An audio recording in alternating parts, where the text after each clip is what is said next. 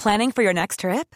Elevate your travel style with Quince. Quince has all the jet setting essentials you'll want for your next getaway, like European linen, premium luggage options, buttery soft Italian leather bags, and so much more. And is all priced at 50 to 80% less than similar brands. Plus, Quince only works with factories that use safe and ethical manufacturing practices. Pack your bags with high-quality essentials you'll be wearing for vacations to come with Quince. Go to quince.com slash pack for free shipping and 365-day returns. Millions of people have lost weight with personalized plans from Noom. Like Evan, who can't stand salads and still lost 50 pounds. Salads generally for most people are the easy button, right? For me, that wasn't an option. I never really was a salad guy. That's just not who I am. But Noom worked for me. Get your personalized plan today at Noom.com. Real Noom user compensated to provide their story.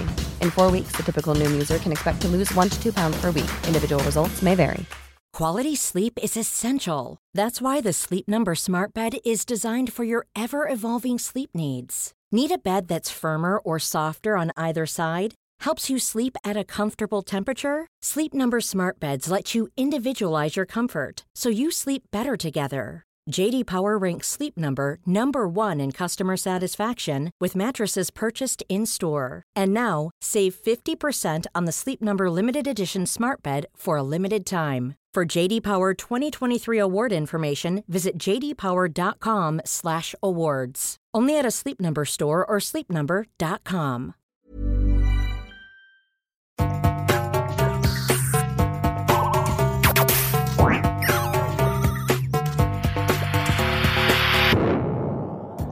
Jeg heter Sondre Risom Livre. Jeg er psykolog, og dette er Webpsykologens podkast.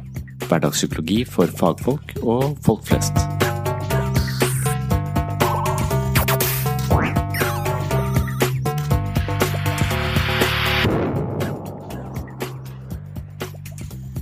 I denne episoden skal du få høre et foredrag fra 2014.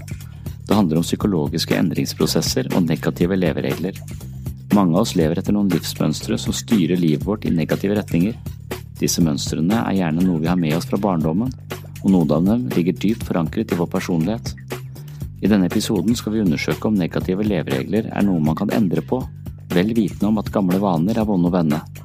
Men vi skal også undersøke sammenhengen i disse livsmønstrene og se på hvordan mer eller mindre ubevisste mønstre kan påvirke livet vårt. Uten at vi vet det, kan vi være offer for noen negative leveregler som hindrer oss i å nå våre mål og utnytte vårt egentlige potensial. I så fall er det viktig å være litt psykologisk detektiv og avsløre disse mønstrene. Velkommen til en ny episode av Webpsykologens podkast.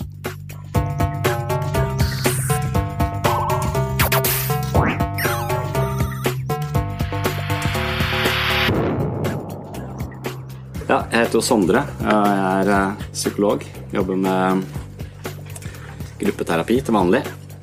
Og så har jeg dette kurset sammen med Nina, som eh, står der. Hun er eh, fysioterapeut og instruktør i mindfulness. Så det er hun som hjelper oss med den praktiske bolken. Denne gangen så skal jeg først prate høl i huet på dere i tre timer. Og så skal du prøve å fjerne de tankene etterpå. så det er et sånt samarbeid vi har gående. Ja. Og jeg Ja. Dette er, liksom, dette er det, siste, det siste kurset. Vi har, tre, vi har tre kurs, men eh, de er eh, De bygger litt på hverandre, og de som har vært her eh, Hvis dette er tredje gangen, så vil det også for de være litt kjent noe av det. Litt nytt, litt kjent. Litt andre innfallsvinkler, men hele tiden rettet mot den samme ideen om at dette er et selvutviklingskurs, for det målet vårt er å på en måte øke bevisstheten vår, styrke bevisstheten vår. Og i forhold til mindfulness så er det som jeg har snakket om før, en slags muskel vi kan trene opp. Så mindfulness er den der styrketreninga. Men mens dette, når jeg snakker, så handler det litt om å skape en større nysgjerrighet på den linsen vi har som kikker innover. Vi er veldig opptatt av det som er der ute, og hvordan jobb og alt sånt, men, men selvutvikling handler ofte om å stoppe litt opp og så kikke litt innover. Så, så, det er på en måte målet gjennom alle disse, kurs, disse kursene, de tre kursene som er. Så har jeg litt forskjellige teorier jeg presenterer. Så, og de sklir litt over i hverandre. I dag så begynner jeg med noe som jeg kaller åtte endringsfilosofiske antakelser. Det vil også være en slags oppsummering av noe av det vi har snakket om før, men det vil være en litt mer sånn systematisk gjennomgang av hva skal til for å skape forandring i, i livet vårt. Og, og, hvorfor er det vanskelig å komme seg ut av de mønstrene som han har på en måte tråkket i over lang tid. Det er ikke sikkert alle vil ut av de mønstrene, eh, men, eh, men, som regel så har vi noen, eh, enten det er følelser eller tanker eller livsmønster, som, som hindrer oss i å nå akkurat dit vi vil. Så jeg tror det er relativt relevant for nesten alle mennesker. Ja, for å si, vi, vi går først gjennom åtte endringsfilosofiske antakelser som sier litt om uh, hvorfor er det vanskelig å endre seg, hva skal til for å endre seg. Eh, eller endre seg, skape mer vitalitet, skape mer eh, Vi har snakket om at eh, selvutvikling egentlig ikke er bare mer glede, men det er mer sorg og mer glede. Så, så, så det handler om å være mer, kanskje mer selvbevisst og styrke evnen til å håndtere vårt indre liv og våre indre følelser. For selvutvikling handler om egentlig å få det verre og bedre.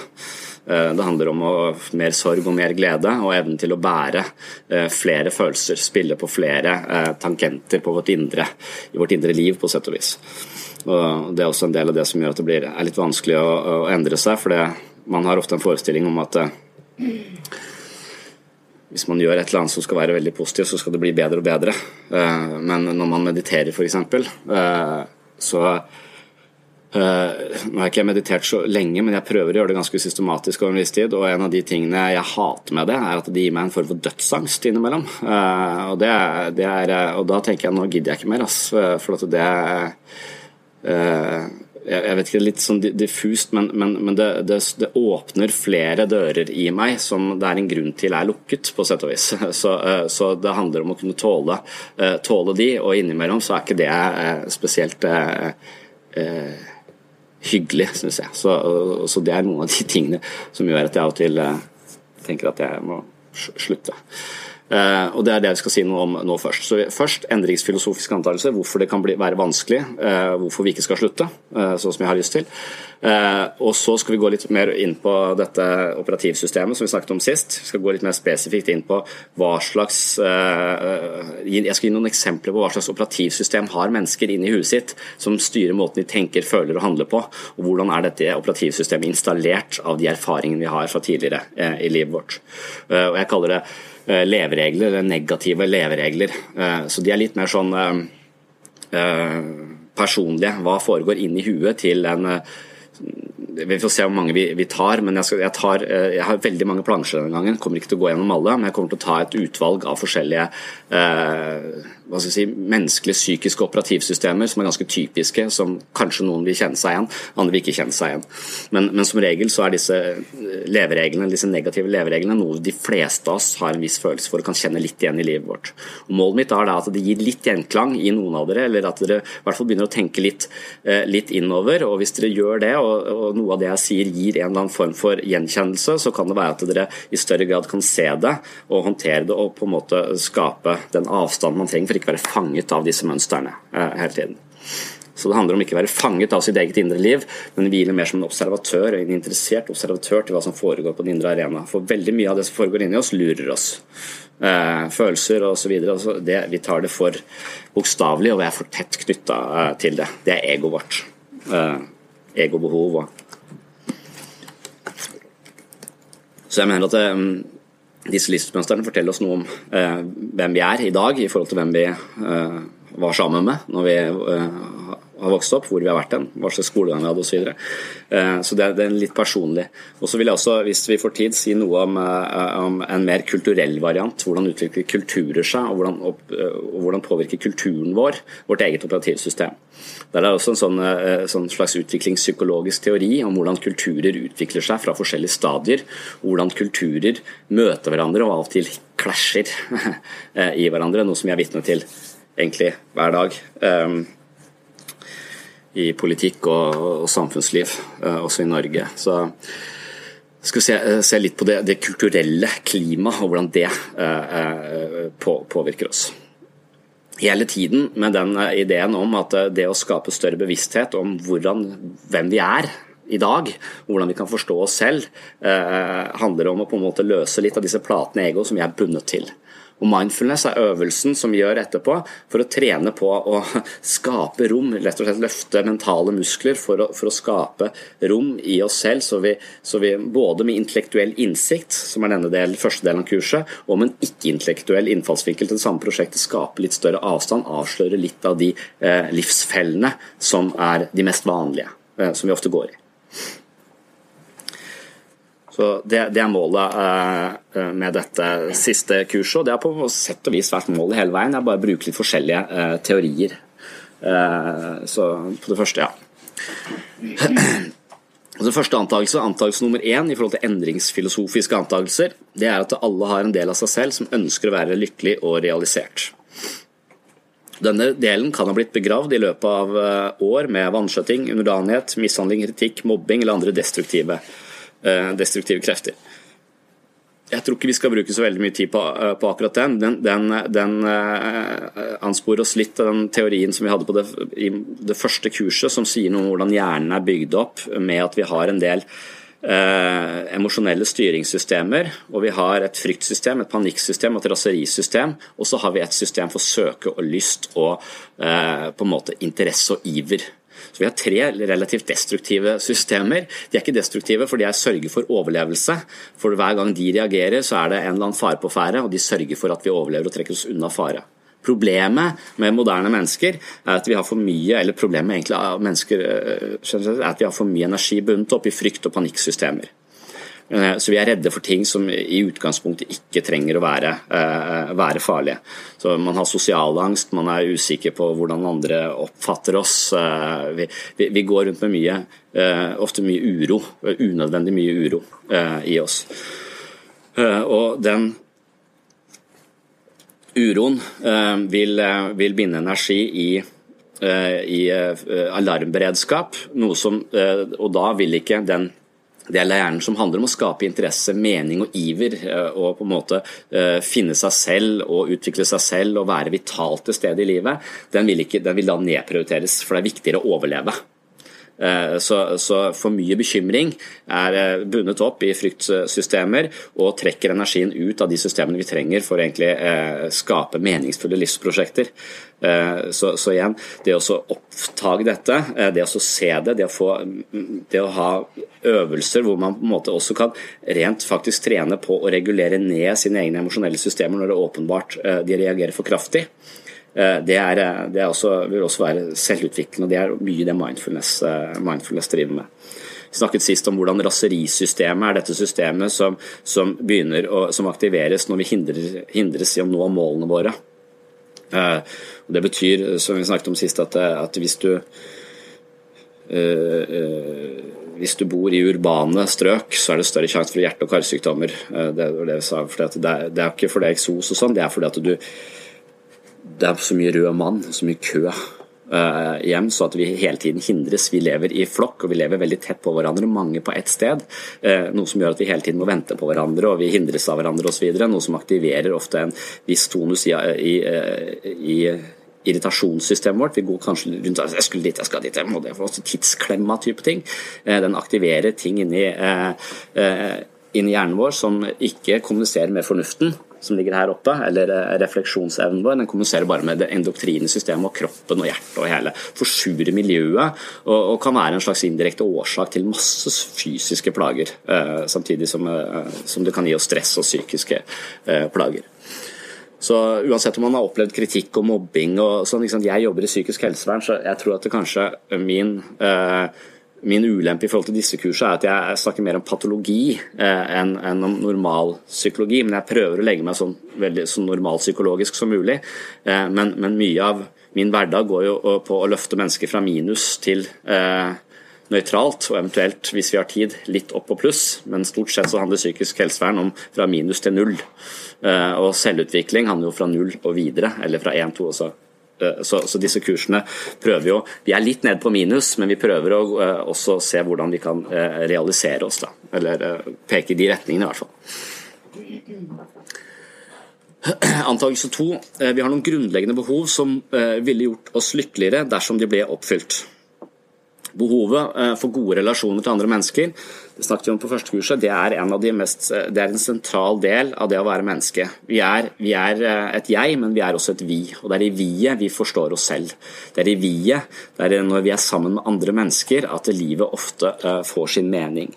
Og Et godt eksempel på det er han derre Det var jeg tror Ed, Ed Jeg husker ikke, jeg så ham på Skavlan. En fyr som, som ble plassert naken på en øde øy.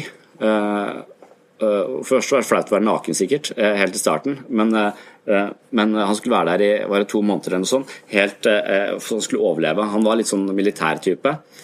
Og så spurte han hva var det vanskeligste. Jo, Det vanskeligste var egentlig ikke å overleve, det, er, det tror jeg han er vant til. Han er sånn som er ute i skauen og overlever, så det, det, det klarte han. Men, men, det å uh, sitte om kvelden og ensomhet var det vanskeligste, han. Det, det å se en solnedgang og ikke føle noe som helst, fordi jeg ikke hadde noen å dele med det. Det var som man følte at det, eh, ting mista sin mening når det ikke var en annen jeg kunne eh, oppleve det sammen med. Eh, så, så, solnedgangene var helt eh, fantastiske, men, men, de var også bare helt flate i hans indre liv. For han hadde på en måte ikke Han, han savnet han, han, følte seg ensom.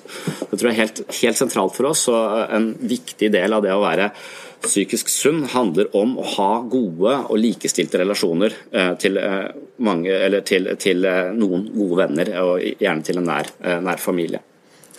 Når jeg jobber i, i, i, min hverdag, så kan jeg sånn, Vi diagnostiserer jo folk, men det sier meg ikke så mye. Men det sier meg ofte noe om at noen mennesker har, har har eh, noen nærmeste. De har en person eller noen få personer i sin helt innerste sirkel hvor de kan være åpne og fortrolige. Eh, og det er viktig. Eh, eh mens noen mangler eh, denne innerste eh, sirkelen. Så, så, når jeg møter mennesker, så er det ofte at enten så har de denne, mangler noen i den innerste sirkelen, eller så mangler noen i den litt større sirkelen, den sosiale sirkelen. Eh, så vi trenger begge deler. Vi trenger det sosiale og vi trenger det mer intime, fortrolige. Eh, og Hvis man sliter psykisk, så handler det ofte om at en av disse sirklene ikke er, eh, ikke er tilfredsstilt. på en eller annen måte. Så Noen har masse venner, og verdens beste venner, og sier ja, vi er så åpne og jeg kan snakke med dem om alt mulig osv., men de er likevel ikke i den innerste sirkelen, og der er det en stort, stort tomrom. Så på sett og vis har de ofte en følelse av å være ensom blant mennesker. De har masse venner og virker kjempesosiale, men de føler seg ensomme. Eh, blant mennesker. Noen sitter bare hjemme sammen med mannen eller eh, søstera eller hva det, hva det, skal være, og har en sånn veldig tosom eller sånn veldig liten kjerne, men, men har problemer i den ytterste eh, sirkelen. Det blir også ganske klamt eh, og, skaper problemer. Så jeg, jeg, opplever at folk som kommer og søker hjelp, ofte har en eller annen mangel i en av disse to, eh, to sirklene. Det sier noe om eh, behovet for gode relasjoner til andre mennesker. Og så er det også dette vi skal se på nå etterpå, at Mye av det operativsystemet vårt oppi huet det handler om at vi gjentar eh, måter å relatere oss til eh, fra erfaring vi har i relasjoner tidligere eh, i livet. Dessverre er det sånn at vi ofte gjentar de mest destruktive eh, relasjonene også senere, eh, senere, i livet. Så Disse operativsystemene vi skal se på etterpå, de kan på en måte være eh, full av mistillit hvis man opplevde mobbing eller løgn eller manipulering eller foreldre som trakasserte en, eller uh, alt dette her, så, så kan mistillit være uh, det filteret man tolker verden gjennom. Uh, og når du møter verden med en mur av mistillit, og sier at ja, men ingen vil være sammen med meg, jeg klarer ikke å, å, å, å bli kjent med andre osv., så, videre, så, så vil jeg i terapi si nei, du er helt utilnærmelig. Du er som å møte en borg. Og Hvis jeg prøver å nærme meg eller banke på døra i den borgen fordi jeg er Røde Kors, jeg kommer inn med forsyninger, så skyter du meg. Eh, eh, på en måte. Du, du skaper avstand, du, du, har strategier og et forsvarsverk som så, eh, så har så mange pigger ute at det er nesten umulig å, å, å, bli kjent med deg. Det er ikke så tydelig nødvendigvis, det kan være bare en slags emosjonell tilbaketrukkenhet som gjør at man ikke egentlig føler at man kjenner dette, dette andre mennesket. Så disse operativsystemene våre er det viktig å se på, for ofte så sier folk ja, jeg bare venner, de bare bryr seg om seg selv, og de svikter meg osv. Nei, det er ingen som egentlig så, så, ofte så legger folk litt skylda på, uh, på de, de, som er rundt en. Uh, og det kan være mye drittfolk uh, rundt forbi, men som regel så må man kikke innover for å finne ut av hva er det med min investering i mine relasjoner til andre mennesker som gjør at jeg stadig havner i en posisjon hvor jeg føler meg svikta eller skuffa eller alene. Og det, det kommer vi tilbake på med disse operativsystemene. Det mye om gode relasjoner til andre mennesker er viktig. Behov for uavhengighet og autonomi er også viktig. Behov for å føle seg selvstendig. Føle at man er kompetent og, og, og klarer, klarer, verden. Og det handler om at man har hatt det trygt nok til å utvikle denne delen av hjernen, eh, som, eh, hvor man har funnet ut hva liker jeg, hva liker jeg ikke, hvem er jeg, hva er jeg flink til, hva er jeg ikke så flink til. Altså At man blir satt, at man blir hel, og at man, at man utvikler en form for god selvtillit. Eh, eh, sånn at eh, når man har en trygg base og får bekreftelser og backup, så får man troa på seg selv, og så kan man møte livet med, eh, med en selvstendig styrke.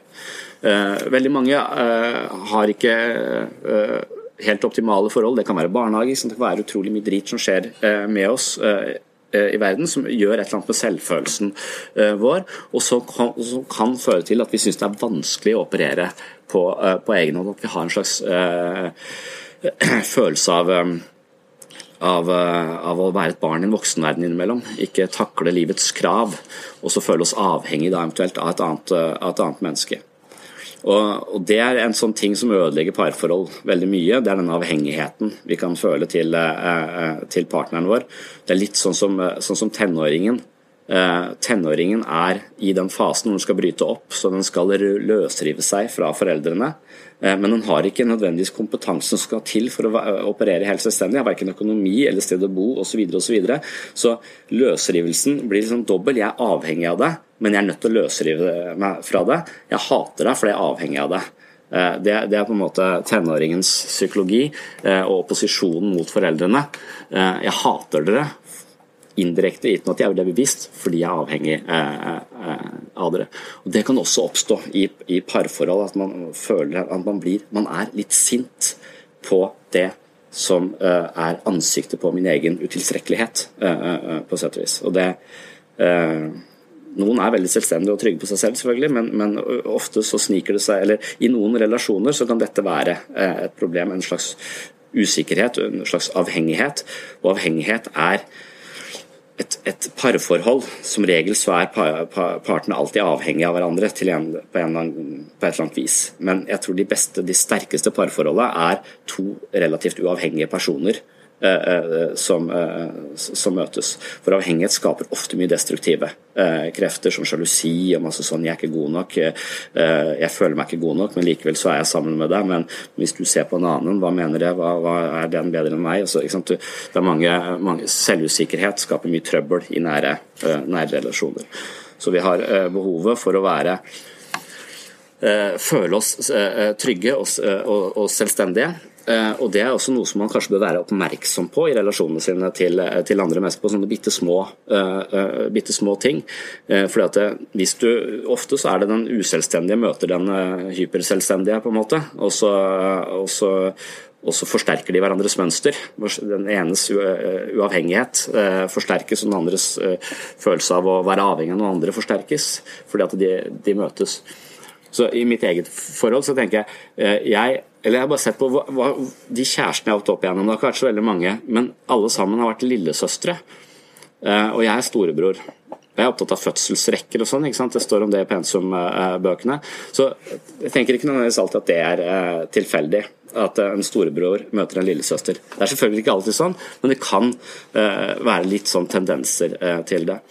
Og, og, hvis man da tenker at en førstefødt ofte har fått masse krav på seg og skal være seg selv og liksom blitt på en måte litt, behandla litt annerledes enn nummer to da, i, en, i en familie, så kan det være at problemet til den førstefødte er å gi noen andre ansvaret, eh, slippe tak litt, ikke være så kontrollfrik, ikke tro at man skal ordne alt, men la også de andre få lov til å, å, å slippe til. Eh, og det, det, kan man se på hvem kjører bilen, f.eks. Eh, deler vi på å kjøre bilen, eller er det bare jeg som kjører bilen? Eh, i et parforhold, hvis man tenker at dette er noe som, eh, som er på spill, så, så, bør man gå i detaljene. Djevelen er i detaljene, eh, på sett og vis. Så finne ut hvem, hvem kjører bilen, og hvorfor.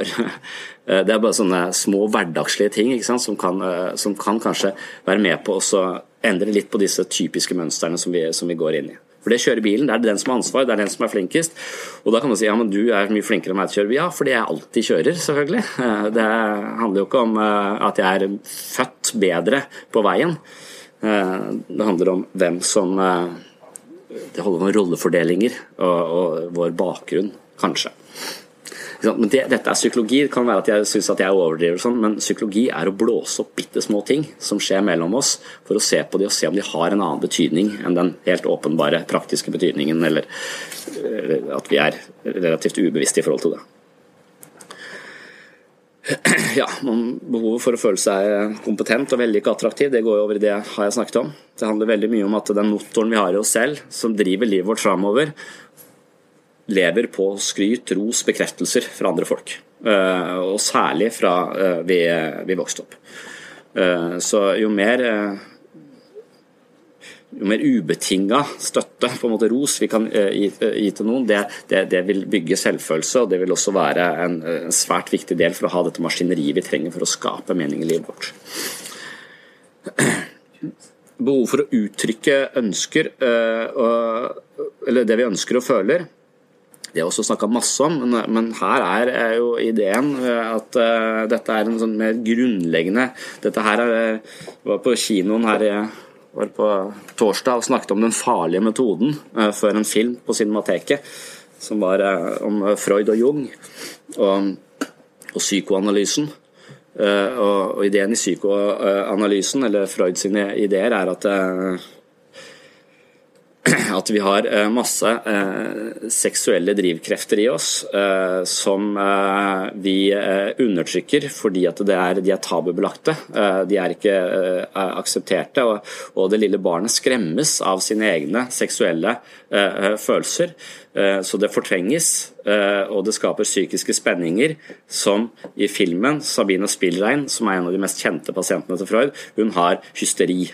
Konversjonshysteri heter det. Eh, og konversjonshysteri er ubevisste, emosjonelle spenninger som ikke når opp i bevisstheten, for de er for skremmende eh, for henne, kommer til uttrykk i kroppen.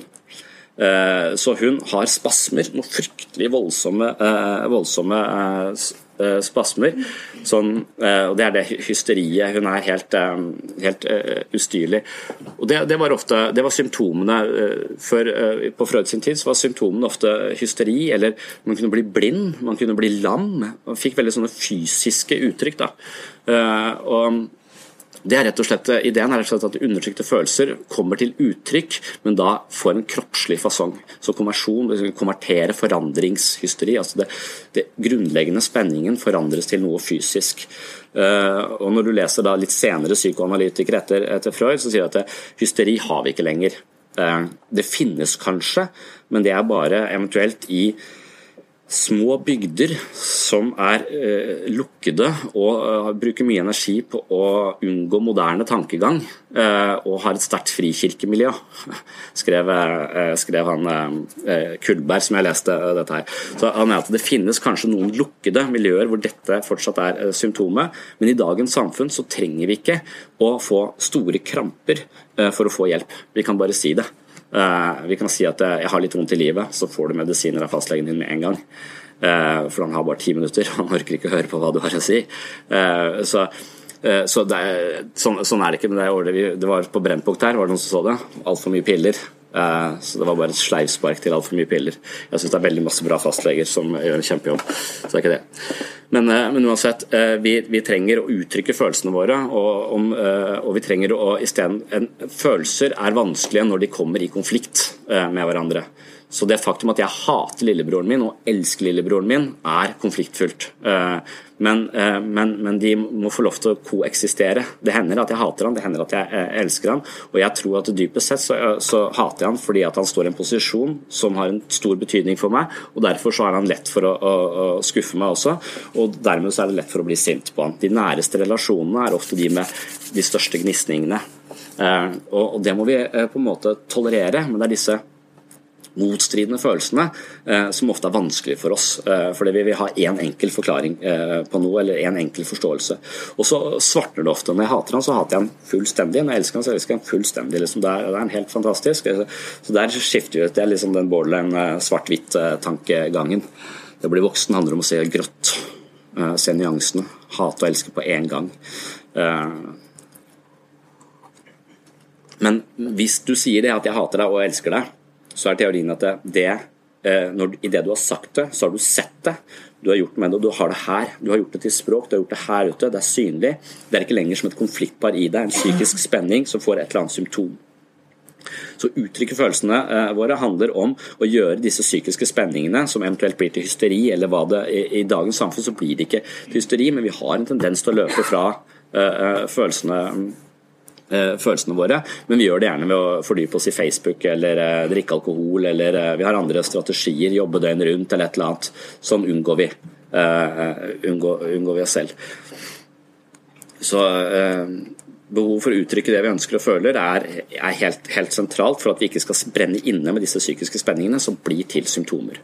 Men veldig mange har en idé om at jeg har ikke rett til å uttrykke meg. Jeg har opplevd at uh, jeg ikke er like flink som andre, eller at andre bør få forrang, andre er mer verdifulle enn meg. så man uttrykker ikke sine egne eh, behov og følelser i relasjon til andre. og det, Da vil terapi ofte gå på selvhevdelse og bare kun fokusere på at du må ha tro på deg selv og kunne ytre det. Hvis ikke du ytrer det, så blir du fanget av ditt eget, eh, disse spenningene. Det er veldig grovt og overdrevet eh, sagt. Eh, så det, står, det, det, går over i neste punkt, altså behovet for å stå på vårt, sunn selvhevdelse. Det å mens, mens, Freud, det som er greia med, med, Freud, er at han tolket alt seksuelt. og det var det ikke så begeistra for. I hvert fall ikke, ikke, Jung, som var en av elevene hans, som denne filmen handler om. Eh, så, eh, så, uansett hva slags symptomer du hadde, så var det en eller annen seksuell undertrykt impuls eller et eller annet overgrep som, eh, som hadde skjedd. Og, og, og symptomet var ja, måtte tolkes i forhold til en eller annen sånn seksualteori, da, som, som Freud libido-teori. Eh, det har man gått vekk fra. Man tenker at er, Vi har 16-17 forskjellige grunnfølelser, eh, og det handler ikke bare om seksuelle drivkrefter, det handler om helt mange andre drivkrefter også. Så Freud snakker om viljen til sex, og Nietzsche han snakker om viljen til makt. Eh, og Viljen til makt er dette selvhevelse. det er også en drivkraft i mennesket. Det å kunne være selvstendig, stå på sitt og hevde seg på en, på en god måte skape uh, ha motstand i seg. Noen mennesker jeg møter, uh, har pro veldig problemer med selvhevdelse. De har denne psykologien som, vi, som er forbundet med panikksystemet i hjernen, som handler om at jeg er ikke uh, OK, men du er OK. Jeg tror at andre er, er, er bedre enn meg, så jeg trekker meg litt unna. I, eller jeg legger meg litt under i, i, i relasjoner. Og, og, de tenker av og til at hvis jeg hevder meg, så kommer folk ikke til å like meg, eller de kommer til å svikte meg, eller de kommer ikke til å orke å være sammen med meg. Hvis man gjør det overfor barn, f.eks., det er noen som har det overfor barn, hvis jeg setter grenser for barna mine, så er de sikkert ikke glad i meg lenger. Hvis dette er en sånn generelt uh, idé i ditt eget operativsystem, at hvis jeg sier noe eller setter grenser eller hevder meg, så vil folk komme til å svikte meg, så, uh, så er det en, et, et, operativsystem som, som, fører til både angst og, uh, og, depresjon.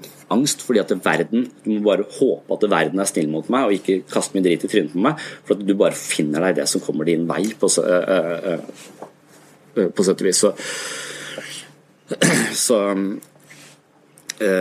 mange mennesker sliter med som jeg ser det, for lav selvtillit. Jeg tror de som har det best, tror litt over middels godt om seg selv. Kanskje litt overdrevent godt om seg selv, faktisk. Det tror jeg er Men de kan bli ganske plagsomme den andre veien. da. Vanskelig å være sammen med.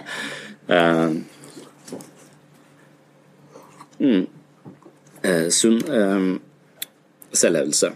Når jeg snakker med disse som på en måte ikke føler at de så, så er det også de er kjedelige. Det er et problem for det, det liker de ikke å høre. Men for at er jo, de er jo ofte sånn Ja, men jeg er veldig selvoppofrende, jeg er veldig lyttende til andre, og alle kommer til meg med mine, sine problemer. Sånn. Så ja, men bedre er på fest, da. Nei, det gjør de kanskje ikke, men de kommer når de har problemer. Og det er fordi Du er ikke så gøy på fest hvis du aldri sier din mening. Folk ønsker egentlig en form for motstand. Eh, eh, hos andre. Så det å være, det å tro på seg selv og gi andre motstand, det gir likeverdige relasjoner. Det er ingen som egentlig liker å være i en eh, ja, eller noen har behov for det for å hevde seg selv osv. Men mitt eksempel er jeg jobba Jeg gikk på befalsskolen, og så måtte jeg jobbe på et år på en sånn militærstasjon, eller på Gardermoen, på en sånn flystasjon. Og Der jobba jeg sammen med en reinkarnasjon av Jesus. Og Det syns jeg var utrolig belastende. For at han, han, jeg var, eh, sånn, var, det, var sersjant eller noe sånt, og da hadde jeg, jeg hadde fått én soldat da, som jeg på en måte skulle være sjef over. Og det problemet der var at han var bedre enn meg på alt. Han kunne alt vi skulle gjøre, jeg kunne ingenting av det vi skulle gjøre. Så, men det var jo litt praktisk òg. Men han var så utrolig blid hele tida. Og han drev og, og, og uansett, liksom, Vi hadde vært ute dagen før, og så uh, altfor seint selvfølgelig, og så sitter jeg sånn, klokka er sju, har sånn til huet, så kommer han nedover gangen, og så plystrer han, og liksom Alt er så så hyggelig, og så har vi ikke fått lønning en måned. Og så sier han ja, vi får sikkert lønning neste måned. Det ordner seg. Så. Uh, og jeg hadde, jeg, hadde, jeg hadde, behov for å finne ut av hvor, hvem er du, og hvor er grensene dine? For, for den derre um, måten du er på gjør meg bare usikker. Jeg var egentlig redd for at han skulle komme til å bombe hele, hele stedet på et eller annet tidspunkt. For så lite, så raus og, og, og, på en måte lite grenser han satt for seg sjøl, det syns jeg var nesten litt skremmende.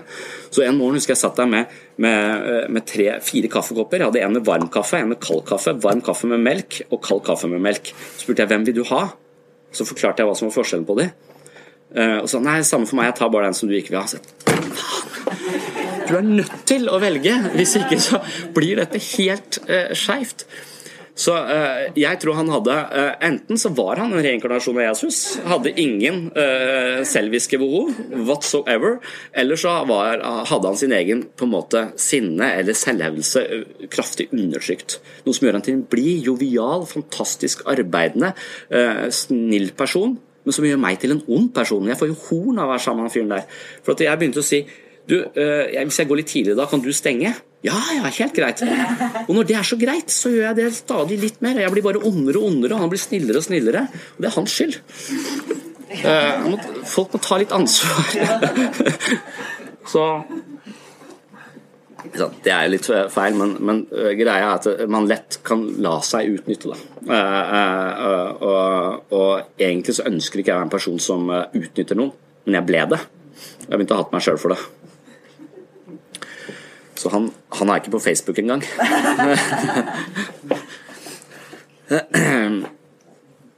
ok. Eh, behovet for å følge interesser og mål. Freud, viljen til sex. Eh, Nietzsche, viljen til makt. Eh, Viktor Frankel, viljen til mening. Så Viktor Frankel, jeg tror jeg har sagt det, jeg vet ikke om jeg sa det forrige gang, men det er også sånn, jeg, han, han, assosierer jeg når, når, det står at det er et viktig behov for selvrealisering, er å, å følge sine interesser eh, og mål. Og ideelt sett ha noen mål som går utover vårt lille selviske eh, jeg, er, eh, er sunt. Og Viktor Frankel er en representant for det fordi at han satt i konsentrasjonsleir. Han overlevde og Han er psykiater og han driver med noe som heter logoterapi. Han ikke, lever jo ikke nå, da, men, men han, eh, og han uh, har fortellinger fra denne konsentrasjonsleiren som viser altså, så Spørsmålet er hvem overlevde? Og Man kunne forvente at det er den sterkeste strett når folk lever under så inn i helvete jævlige forhold. Midt på vinteren, ingen klær, ingen sko. Ikke sant? Også, ut å jobbe så er det kanskje den som karrer til seg mest mat, som overlever. Eh, men uh, Viktor Frankl visste at det var ikke det. Det var ikke den, de med de spisseste albuene som overlevde. Um, det var de som uh, trodde på noe større enn seg selv. Og På sett og vis så var det de som var religiøse, overlevde. I større grad, mente han. da. Og Kanskje fordi at de trodde på en eller annen godhet utenfor. De hadde, men det trengte ikke å være, være nødvendigvis religion, det kunne være kommunisme. Uh, Sartre skriver en lignende bok, hvor, uh, historien om Brunet, hvor, hvor, hovedpersonen dør når han slutter å tro på kommunismen. Så det å ha en ideologi, det å ha en drivkraft, det å ha en tro på et eller annet uh, som er større enn deg selv, Eh, er eh, veldig livsopprettholdende. Og Frankel forklarer det med at eh, den der frykten, den der 'jeg skal ta det, grabbe meg til', den skaper så mye aktivitet i disse systemdestruktive, eller disse både frykt- og raserisystemet, og som krever så mye energi at de dør raskere. De som på en måte kan hvile mer i seg selv og, og, og fortsatt opprettholde en tro på noe, på noe godheten i mennesket, til tross for all faenskapen eh, de, ser, de vil, eh, de vil, overleve. Eh, kanskje fordi de bruker mindre, mindre, energi, men de får jo også mindre mat fordi de karrer seg ikke til seg. Men, så, ja. Og Der kommer også behov for å hjelpe, behov for å hjelpe andre. Ja, jeg tror vi går videre. Vi kan endre oss. men det er vanskelig. Um, og Sist gang så snakket vi om disse familiekonstellasjonene uh, som, uh, som vi lever inn i, og som vi blir en del av, og som vi blir litt like som. Så det er absolutt mulig å endre seg. Eh, men eh, veldig mye av mønstrene våre og de vi omgir oss med, og kulturen vår, setter begrensninger på oss. Eh, så, så, det betyr at du blir ofte litt lik din egen familie. Du kan bryte med familien også litt, men du er likevel et produkt på et eller annet vis. Det er, det er innprentinger i ditt operativsystem på en ganske sterk måte som gjør at det, du vil ha etterslep fra dette, eh, familien din. Kulturen din vil også påvirke deg eh, og, og, og være med på å forme deg. Så, det, så, hvis du lever i en god familie og en, en relativt oppegående kulturelt klima, så vil disse dra deg opp i utviklingen og, gjøre, og løfte deg ganske høyt. Men hvis du løftes til et nivå som ikke er tilfredsstillende, og eksempelet forrige gang var at hvis du f.eks. kommer i en familie eh, hvor det å føle er forbundet med stress og mas, vi har ikke overskudd til det, så kan folk vær så snill å holde følelsene sine for seg sjøl, altså i seg selv, psykiske spenninger, uh, istedenfor å plage oss andre med det. Vi orker ikke de emosjonelle bølger på dette uh, familiehavet vårt. Vi vil ha det mest mulig stille, og så lage en litt fin fasade, sånn at dette uh, sånn at vi utad også ser representable ut. Og Da kan det være at, det, at, at disse følelsene ikke får lov til å komme til uttrykk og på en eller annen måte bli til et symptom. Og Når man da kommer i behandling, så er det uh, så, så, så, kan det være at vet du, hva, du er så uh, forknytt, emosjonelt forknytt, at uh, nakken din er så stiv. Så, så du, du, er nødt til å slippe litt mer løs, våge å være litt mer til stede og kjenne litt etter på dine egne behov og følelser. Det er en beskjed man gir til ekstremt mange folk. Og så gjør gjør de det, men så kommer de hjem til denne familien, uh, dette systemet, og hvis de ikke har de med på laget, så vil de si faen det er bra du går til psykolog, du er klin gæren du, for at du føler så mye. Uh, så Hvis man da har fått beskjed om at man skal føle mye, men systemet der hjemme har jo en sånn stilltiende avtale på at det er det vi skal prøve å unngå, så vil dette systemet fungere som en magnet som trekker deg tilbake til det mønsteret du Eh, du på en måte egentlig prøver å unnslippe. Så det er veldig veldig mange krefter. Så du kan sitte på kontoret til behandleren din eller til terapeuten din eller det stedet du har valgt å prøve å jobbe med deg selv, og klare det der. Eh, men, men, men oppleve utenfra og komme tilbake og si at vet du hva, den behandlinga du gir meg, det synes bare helt jævlig. Eh, blir, jeg blir bare verre og verre. Det blir bare verre og verre av gå til jeg må slutte. Så Det er en av de grunnene til at folk slutter, for at de opplever at de blir verre. Så, så, teorien vår er at jo, du må våge å ha rom i deg selv. Du må tåle følelser og uttrykke følelser. Mens eh, det kan være en streng menighet eller et strengt fellesskap det også som, som, har en sånn slags policy på at akkurat det og det og det og det uttrykker vi ikke. Det er synd, det er ikke sånn. sånn, sånn. Og, og hvis man da prøver å bryte med det, så blir man eh, ganske fort fanget av systemet som trekker det eh, tilbake igjen på plass. Så det ikke skaper for mye trøbbel. Så Det betyr at eh, hvis du skal eh, endre deg, så bør du være oppmerksom på dette. Og det er derfor Jeg sier noe om dette. Jeg tror man skaper bevissthet rundt hvor vanskelig det egentlig er å endre seg. For at Du blir ikke så veldig oppmerksom på eh, Det er ikke så lett å se sammenhengen i dette. Men det er veldig lett å bare ubevisst fanges av de mønstrene man har vært i, og som man har på en måte grodd inn i. Og omgivelsene dine er med på å, å, å påvirke deg. Og jeg, jeg, gikk jo, eh, Etter jeg var ferdig psykolog, så gikk jeg eh, på en utdannelse som handlet om å bli gruppeterapeut. Og Da sa de til meg når jeg begynte på den gruppeterapiutdannelsen, at det, dette er en utdannelse på fem år. Du kan ta tre år, og så kan du slutte da, eller du kan ta fem år. Og så sa jeg ok, det er sikkert, eh, jeg synes det var interessant, så jeg vil gjerne ta fem år. Men så begynte folk å si ja, hvis du tar fem år, så blir du skilt. Eh, eh, så, så det, er nesten ingen som har tatt fem år utdannelse uten å bli skilt. Så det er lurt å slutte etter tre. Hvorfor? Fordi eh, hvis man går lenge i egenterapi, dette var fem år, mye egenterapi, og forandrer måten å være på, så vil du indirekte forandre de rundt deg. Og hvis de er litt steile og ikke ønsker den forandringen, så blir det ofte konflikter som kan føre til eh, separasjon. Så hvis du skal forandre deg, så må du passe på å inkludere de folka som står deg nærmest. Eh, og Man sier at psykologer har en av den høyeste skilsmisseraten i landet. Og det har kanskje noe med dette, dette å gjøre. Det, det, vet jeg ikke. Men jeg er gift med en psykolog, og det har visst ganske god statistikk. Det er sikkert fordi vi, er, vi, begge har en form for bevissthet rundt denne uh, hvor, hvor, farlig det er å forandre seg, på en måte. Uh, så, så jeg, håper, jeg håper, i hvert fall det, men nå har jeg jo på de tidligere kursene fortalt mye om hvorfor jeg kommer til å bli skilt. Uh, så, så det, jeg tror ikke prognosene mine er så veldig gode. Ja.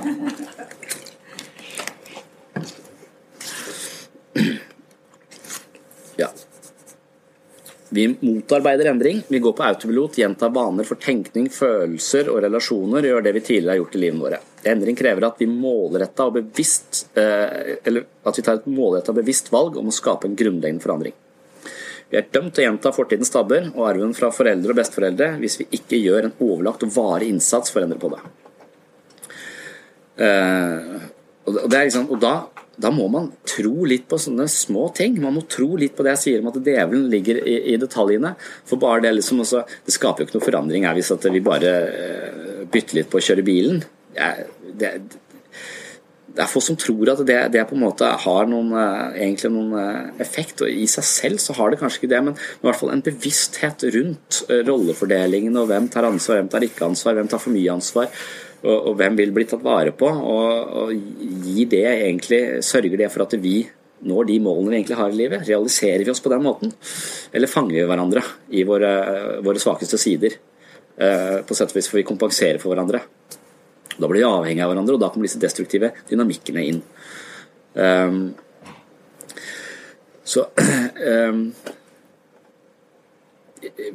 det er uh, når vi skal snakke om dette her, disse levereglene etter, etter pausen, så, så, er det eh, Det handler om dette her. altså at vi, eh, vi har eh, mønster i oss og måter å forstå oss selv på, og måter å forstå oss selv i relasjon til andre på, som vi gjentar, som vi ubevisst gjentar. Så, så vi har, vi, det, er, det, er, litt som at når jeg ser meg i speilet om morgenen, så ser jeg hvordan jeg ser ut. Eh, og jeg kan jo en dårlig hårdag, en god hårdag og sånn. Det handler om kant og den kopernikanske vendingen. og Det jo, det er jo fordi at jeg filtrerer informasjonen gjennom en eller annen form for linse som kan være i dårlig og godt humør. Jeg tror ikke håret mitt er så veldig eh, forskjellig fra dag til dag. Eh, det handler om eh, den psykologiske mølla som mine sanseinntrykk på en måte forvaltes gjennom. Eh, og Sånn er det med hele. Vi skaper våre egne verdensbilder, det snakket vi om forrige gang. Eh, men, men uansett, da, jeg ser jo mitt tryne morgen. Og hvis jeg hadde kommet på kvelden og sett at eh, jeg har helskjegg, f.eks., det, det hadde skremt eh, meg ganske kraftig. For det har veldig lite skjeggvekst. Eh, veldig sånn stusslig. Så, så, hvis jeg plutselig hadde hatt helskjegg i løpet av en dag, så hadde jeg tenkt at det hadde skjedd et eller annet i eh, sånn Tsjernobyl-aktig katastrofe i, på Fiskåtangen. Altså, for det, eh, det, skjer ikke. Så det ville jo skaket ved mitt ytre. ikke sant? Store forandringer i sitt ytre vil skremme meg. Og Sånn er det litt eh, med vårt indre også, men eh, speilet på vårt indre liv er andres øyne. Eh, så vi liker å speile oss i de speilene som gir oss en form for sammenhengende forståelse av den vi er. Og vi liker å speile oss, eller vi har en tendens til å speile oss i andre mennesker som bekrefter oss på sånn vi selv tenker eh, at vi er. Så hvis vi har slitt med en form for lav selvfølelse, så kan det være vi har en tendens til å uh, gå inn i relasjon til folk som kanskje tenker at, eller som er litt bedre enn oss, eller som vi tenker er litt bedre enn oss, uh, uh, videre, At vi hekter oss på, på noen og, og, får de bekreftelsene på, via den andre. Subtilt, subtilt, veldig ubevisst, sånn at vi gjenskaper oss selv på sett og vis. For da kan man på en måte, da veit jeg hvem jeg er. Når jeg blir behandla på den måten, så veit jeg hvem jeg er og kan planlegge framover. Hvis du møter folk som behandler deg helt annerledes, så, så, så, vet du ikke hvem du er. Du, du får et speilbilde som du ikke eh, egentlig er vant til, å, eh, vant til, å, se i. og Det kan virke veldig, eh, veldig skremmende. Det tydeligste eksempelet er jo da hvis du, hvis du, har mennesker som har levd i en eller annen uh, voldelig relasjon, blir slått, er vant til å bli slått, er vant til å bli kua, kommer ut og finner en person som da elsker de uansett, og som ikke slår, uh, så vil denne personen av og til begynne å det er da den ofte kommer i behandling, når den kommer ut av det voldelige parforholdet, at eh, problemene eh, starter. Et slags Max Manus-syndrom. Max Manus fikk det jo, han funka dritbra under krigen, Etterpå så gikk det ikke så bra. For da fortsatte jo han en krig når krigen var ferdig. På en måte. Han visste nesten ikke hvem han var i fredstid, nærmest. Han opprettholdt en alarmberedskap når det da ikke var noe rundt han til å bekrefte dette. Så ble, han, så ble han fremmed. på en måte, Hvem er jeg nå? Så begynte han å drikke, sånn jeg har forstått det Eh, historien. Sånn kan det være litt i parforhold òg. Så er du vant til å, å bli kua og, og, og, trakassert, og finner en som behandler deg helt annerledes, så skakes ditt eget indre på en, måte, på en veldig kraftig måte. Og, og du, du, får en slags eksistensiell identitetskrise, nærmest. Hvem er jeg nå? Når du liker meg hele tiden, hvem, det er jeg ikke vant til å forholde meg til. Jeg må begynne å endre måten jeg tenker om meg selv på. Og det krever ganske store mentale uh, ressurser. Det er kjempevanskelig å bevege seg vekk og plutselig begynne å se på seg selv på en annen måte. Er, selv om det er på en måte som er bedre, så er det vanskelig. Forandring er forbundet med krise. Uh, så da, da, får du, uh, da, får du, i verste fall da, at denne personen som er vant til å bli kua, begynner å oppføre seg som på en litt sånn irriterende måte begynner å utfordre partneren så mye som om den søker slaget. For med en gang du slår meg, så kommer ting i, i balanse. Dette er satt helt på spissen, men, eh, men, at du, du, du, gjenska, du, du prøver å fremprovosere noe i den andre. Og da mener jeg også sett at det, Kanskje det finnes en eller annen voldelig impuls i alle mennesker. og Hvis du møter et menneske som har en tendens til å dra det fram, så kan det være at det dukker opp i mennesker som i utgangspunktet aldri hadde uh, egentlig uh, kommet til å slå noen. Uh, det er Uh, ikke alltid sånn, men ja. Da er det dette at vi tilstreber uh, antakelse fem, som gjør det problematisk å endre seg, er at vi tilstreber å unngå uh, smerte. Mm. Many of us have those stubborn pounds that seem impossible to lose, no matter how good we eat or how hard we work out. My solution is PlushCare. PlushCare is a leading telehealth provider with doctors who are there for you day and night to partner with you in your weight loss journey. They can prescribe FDA-approved weight loss medications like Wagovi and Zepbound for those who qualify. Plus, they accept most insurance plans. To get started, visit plushcare.com slash weight loss. That's plushcare.com slash weight loss. A lot can happen in three years, like a chatbot may be your new best friend. But what won't change? Needing health insurance. United Healthcare Tri Term Medical Plans, underwritten by Golden Rule Insurance Company, offer flexible, budget friendly coverage that lasts nearly three years in some states. Learn more at uh1.com. Ever catch yourself eating the same flavorless dinner three days in a row? Dreaming of something better? Well, HelloFresh is your guilt free dream come true, baby. It's me, Gigi Palmer. Let's wake up those taste buds with hot, juicy pecan crusted chicken or garlic butter shrimp scampi. Mm. Hello? Fresh. Stop dreaming of all the delicious possibilities and dig in at HelloFresh.com. Let's get this dinner party started.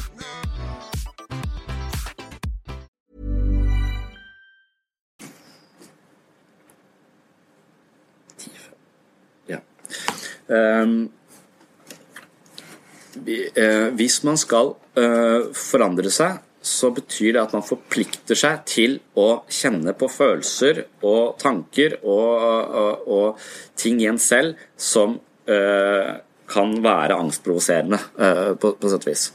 Uh, man er nødt til å konfrontere situasjoner og følelser som gjør oss vondt, selv om en slik Ja, det er kanskje skrevet litt feil, men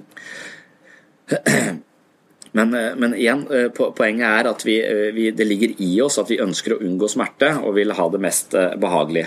Og Vi har snakket om før at vi kanskje har en kultur som også tilstreber dette. En slags eh, minste motstands vei-kultur, eller en idé om at eh, vi er kanskje så bortskjemte at vi er vant til å ha så lite motstand eh, i livet. Så all motstand det vil vi helst unngå, all smerte vil vi helst unngå. Så Hvis vi føler litt ubehag ved livet, så er vi i verste fall at vi går til fastlegen og får en medisin som tar vekk det indre ubehaget. Og Det indre ubehaget vil da være vil noen mene, det er et signal om at du lever livet ditt på en litt feil måte. Du er nødt til å ta innover deg, du må lytte til disse uh, signalene. De er kompasset i livet ditt. Og, de er, og, de er, ubehagelige fordi de forteller deg noe som krever noe av deg, eller, eh, eller et eller annet vondt. Og hvis du da hele tiden snur deg vekk og går på Facebook eller jobber døgn rundt eller hele tiden flykter ifra dette, så du, uh, lever du et liv på flukt. Og Det er sånn lidelse kronifiseres. Uh, tror jeg. Det er sånn smerte kronifiseres. Det er i flukten fra smerten. Um, Og spesielt når det gjelder da indre smerte, følelsesmessig smerte. Eh, så, så, eh, selvutvikling vil ikke da være så uh, Positiv psykologi kan misforstå bare tenk positivt, tenk sånn, gjør sånn. Nei, ikke tenk på det. Det, det kan være et ganske falskt prosjekt. eller det, det, det, er en veldig god teori som Martin Selingman, uh, som er amerikaner, har, har utvikla, og som er veldig viktig. Men, men, den kan også lett misforstås eller misbrukes. Særlig litt sånn populistiske sammenhenger hvor den hvor du har noen sånne hyperglade eh, behandlere eller coacher eller psykologer eller hva det skal være, som, eh, som, bare med sin entusiasme får alle til å skulle tenke eh, positivt. Eh, jeg eh, tror at man må tenke man må lære seg å tenke negativt. Jeg liker den filmen som heter 'Kunsten å tenke negativt'. Eh, er det noen som har sett den? Nei. Kunsten å tenke negativt handler om at det er en sånn dame som skal skrive hovedoppgave på noen gruppe mennesker som har det eh, jævlig, men de skal alt det som er kjipt i livet, det skal du bare spytte ned i en lue som de sender rundt bordet. Så hver gang noen har noe ekkelt, skal de bare spytte den ned i den lua, så kaster vi den lua vekk. Og så later vi som det ikke er det. Og så skal vi bare dyrke uh, det, det, positive. Det blir et, et, et, ofte en slags flukt, da, en unnvikelse fra det som er vanskelig, istedenfor en aksept av det, av det som er vanskelig. Så, så det er en, et veldig viktig, eh, et veldig viktig eh, eh, poeng at, at, det å utvikle seg er eh, ofte ikke en uh, vei på en sånn rosenrød vei. Det handler om å kjenne på ting som er vondt og vanskelig, for så å se det. Se det, akseptere det, leve det og kanskje leve forbi det. Det må være målet. Idet vi begynner å flykte fra det, så, så, vil det alltid løpe etter oss og tuppe oss i ræva på et eller, annet, eh, et eller, annet, tidspunkt. Det er også en sånn eh, helt sentral idé både i psykoterapi og mindfulness. Spesielt i mindfulness handler det om å bare observere, la det være. Aksepter det, la det være, se det og la det gå. Det er noe som kommer og går, kommer og går. Eh, hvis du ikke slipper det inn på din bevissthet, inn på, i bevissthetens teater, men hele tiden holder det, holder det ute, eh, så vil det vokse eh, og bli stort og ligge i skyggen av bevisstheten din og, og, og true deg. Og livet blir stadig mer anstrengende og du blir etter hvert redd for ting som minner deg om det. Eh, du begynner å, Jeg vil ikke se på nyhetene, for at da alt som minner om uh, vold f.eks., uh, det uh, trigger mine fortrengte aggressive impulser, som har blitt så store nå at jeg tror hvis jeg slipper den, åpner den døra, så kommer jeg til å klikke. Så er det best å unngå alt som er aggressivt rundt meg, og så blir man, går man litt sånn rundt på listesko i sitt eget liv, og så bruker ekstremt mye energi på egentlig å unngå seg sjøl. Og Da utvikler man ofte symptomer i en eller annen fasong. Man kan få hjelp til å forandre uh, seg sjøl, men forandringen må man gjøre uh, selv. Så virkelig forandring skjer innenfra og ut, ikke utenfra og inn. Det er ikke helt riktig, men, men det er i hvert fall en sterk tendens at det, det, ofte er sånn når det gjelder, psykisk, når det, gjelder det psykiske. Problemet med noen deler av f.eks. hjelpeapparatet, er at du har ofte mennesker der som er veldig hjelpekåte. Eh, de har et, eh, et ekstremt behov for å, å, være verdifulle og gjøre en god jobb for et annet menneske. Mange har sikkert opplevd det i seg selv også hvis de har en venn eller et eller annet som har et, eh, har et det er ikke lenge siden det var en som ringte meg og sa ja, kameraten min, han, kona har et eller annet, og jeg har gått fra han, og, og han har det helt Men jeg veit ikke hva jeg skal si, og jeg føler meg så udugelig. Jeg har ingenting lurt å si. Hva skal jeg si som er lurt? Og, og, med, med, en slags egentlig kanskje en idé om at hans jobb er å ta vekk den vonde følelsen og erstatte den med en god følelse. Da, under, da undervurderer du egentlig personens smerte. Du aksepterer ikke personens smerte, og du viser indirekte at du også er redd for den typen smerte, så vi vil ha det, uh, uh, uh, ha det vekk. Så, så, det også og Ofte så er det jo sånn vi også søker hjelp hos andre. Altså vi ønsker at dette mennesket skal skape en forandring inni meg, eller denne medisinen eller mindfulness eller et eller annet skal gjøre så ting i meg kommer uh, i hakk. Og mange av disse tingene kan det, uh, men, uh, men, det hjelper deg ikke å, høre på Nina to timer etterpå for at, for, at, livet ditt skal bli eh, fantastisk. Det er det ingen her som tror, det tror jeg heller ikke. Men, men det krever en egen innsats. Eh, så, så jeg, jeg, må skuffe mange mennesker som kommer til meg som har en idé om at når jeg kommer til psykolog, så skal ting bli bare, eh, bare bedre. Jeg er eh, en der som må poengtere at sånn er det ikke. Jeg må på en måte skuffe de og si at det finnes ingen, eh, eh, finnes ingen setning jeg kan si til deg som, uh, som, får ting til å falle i hakk inni det. Og Hvis det hadde vært den setningen, så skulle jeg sagt med en gang, det lover jeg deg. Uh, og så skulle jeg tatt patent på den, og så skulle jeg blitt utrolig rik. Men dessverre så, så, finnes det ikke. Det handler om å stimulere, se innover og ta ansvar for, for eget liv. Så Nav drev med qigong en periode. Jeg hadde så gode resultater med qigong. Jeg kan ikke noe om qigong, men det er sånn kinesisk du beveger deg på en eller annen måte. Og Det hadde de kjempegode resultater med. Og jeg tror rett og slett gode resultatene der handler om at dette var ikke noe de fikk utenfra og, og, og, inn. Dette var noe de selv måtte gjøre, og som de selv gikk på. Og de var selv ansvarlig for å initiere denne treningsprosessen, og de fikk veldig masse folk ut i, i jobb på den måten. Uh, og har en god effekt. Og jeg tror derfor Da stimulerer du folk til å gjøre noe på egen hånd. Det du selv iverksetter og gjør, det eier du. Alt du får utenfra inn, det er ofte litt til låns. Ja, eh, Det finnes ikke én eh, teknikk som skaper forandring. Eh, vi er forskjellige, men de fleste har best utbytte av å benytte seg av flere metoder og tilnærminger for å endre seg. Og Da er vi tilbake på det vi har snakket om på de tidligere kursene, denne oppskriften på selvutvikling. Trene, psykoterapi, meditasjon og lese. Det går jeg ikke gjennom nå, for det, det hører til de andre kursene.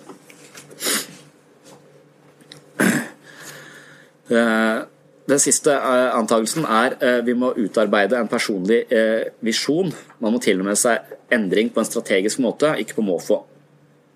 Det betyr at man må oppdage sine naturlige tilbøyeligheter. Man må lytte innover til sine behov og følelser. Og vi er dømt til å skape mening i eget liv.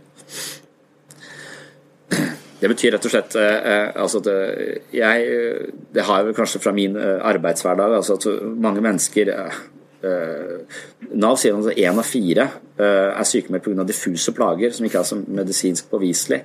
Eh, og du, du, hvis du har et eller annet blokkering i livet ditt, du ønsker å være et annet sted, du føler ikke at du har den balansen du skulle ønske, eller den eh, gleden eller det du skulle ønske, så, eh, så, så, så nytter det ikke å liksom shoppe litt rundt og tenke du, du, er nødt til å prøve å skape en eller annen Du må kjenne litt innover hva er dine behov, og skape deg en eller annen visjon for forandring. Du må ha et mål, du må, og du må gå mot et mål. Og mange må sette seg små mål og nå de eh, stadig vekk. Mitt mål er å slutte å alltid kjøre eh, bilen men sitte i passasjersetet eh, eh, innimellom. Det kan være ett lite mål. Så sett, sett, små mål, og vit noe om hva målet langt der eh, eh, framme er. Så, så, Det er også litt tilbake til, til Viktor Frankl. Altså at det å ha klare å etablere et eller annet langsiktig mål, og jeg tror lykke ikke Easy come, easy go. Det er de, det vi jobber litt lenger for, som vi bruker litt lengre tid på å nå som, som, gir den beste tilfredsstillelsen. Um, så jeg tror ikke det er hedonister de heter, som tror på denne som er sånne at lykke er bare umiddelbar behovstils, behovstilfredsstillelse. Jeg tror lykke er noe man må jobbe med over lengre tid for at det skal farge livet med det vi, det vi trenger. Så da må man ha en, en slags målretta visjon om hvor man vil. Viktor Frankl sa noe viktig. Det er en sånn video på YouTube men hvor han sier eh, eh, du må aldri finne på å se mennesker for det de er. Du må alltid se dem mye høyere enn det de er. Du må alltid tro mer på dem enn det de tror selv. Da løfter du folk. Hvis du ser dem for det de er, så gjør du dem middelmodige og dårlige. Og det er det ingen som, som vil. Og Jeg skjønner hva han sier, men hver gang jeg gjør det med andre mennesker, så føler de at du forstår meg ikke.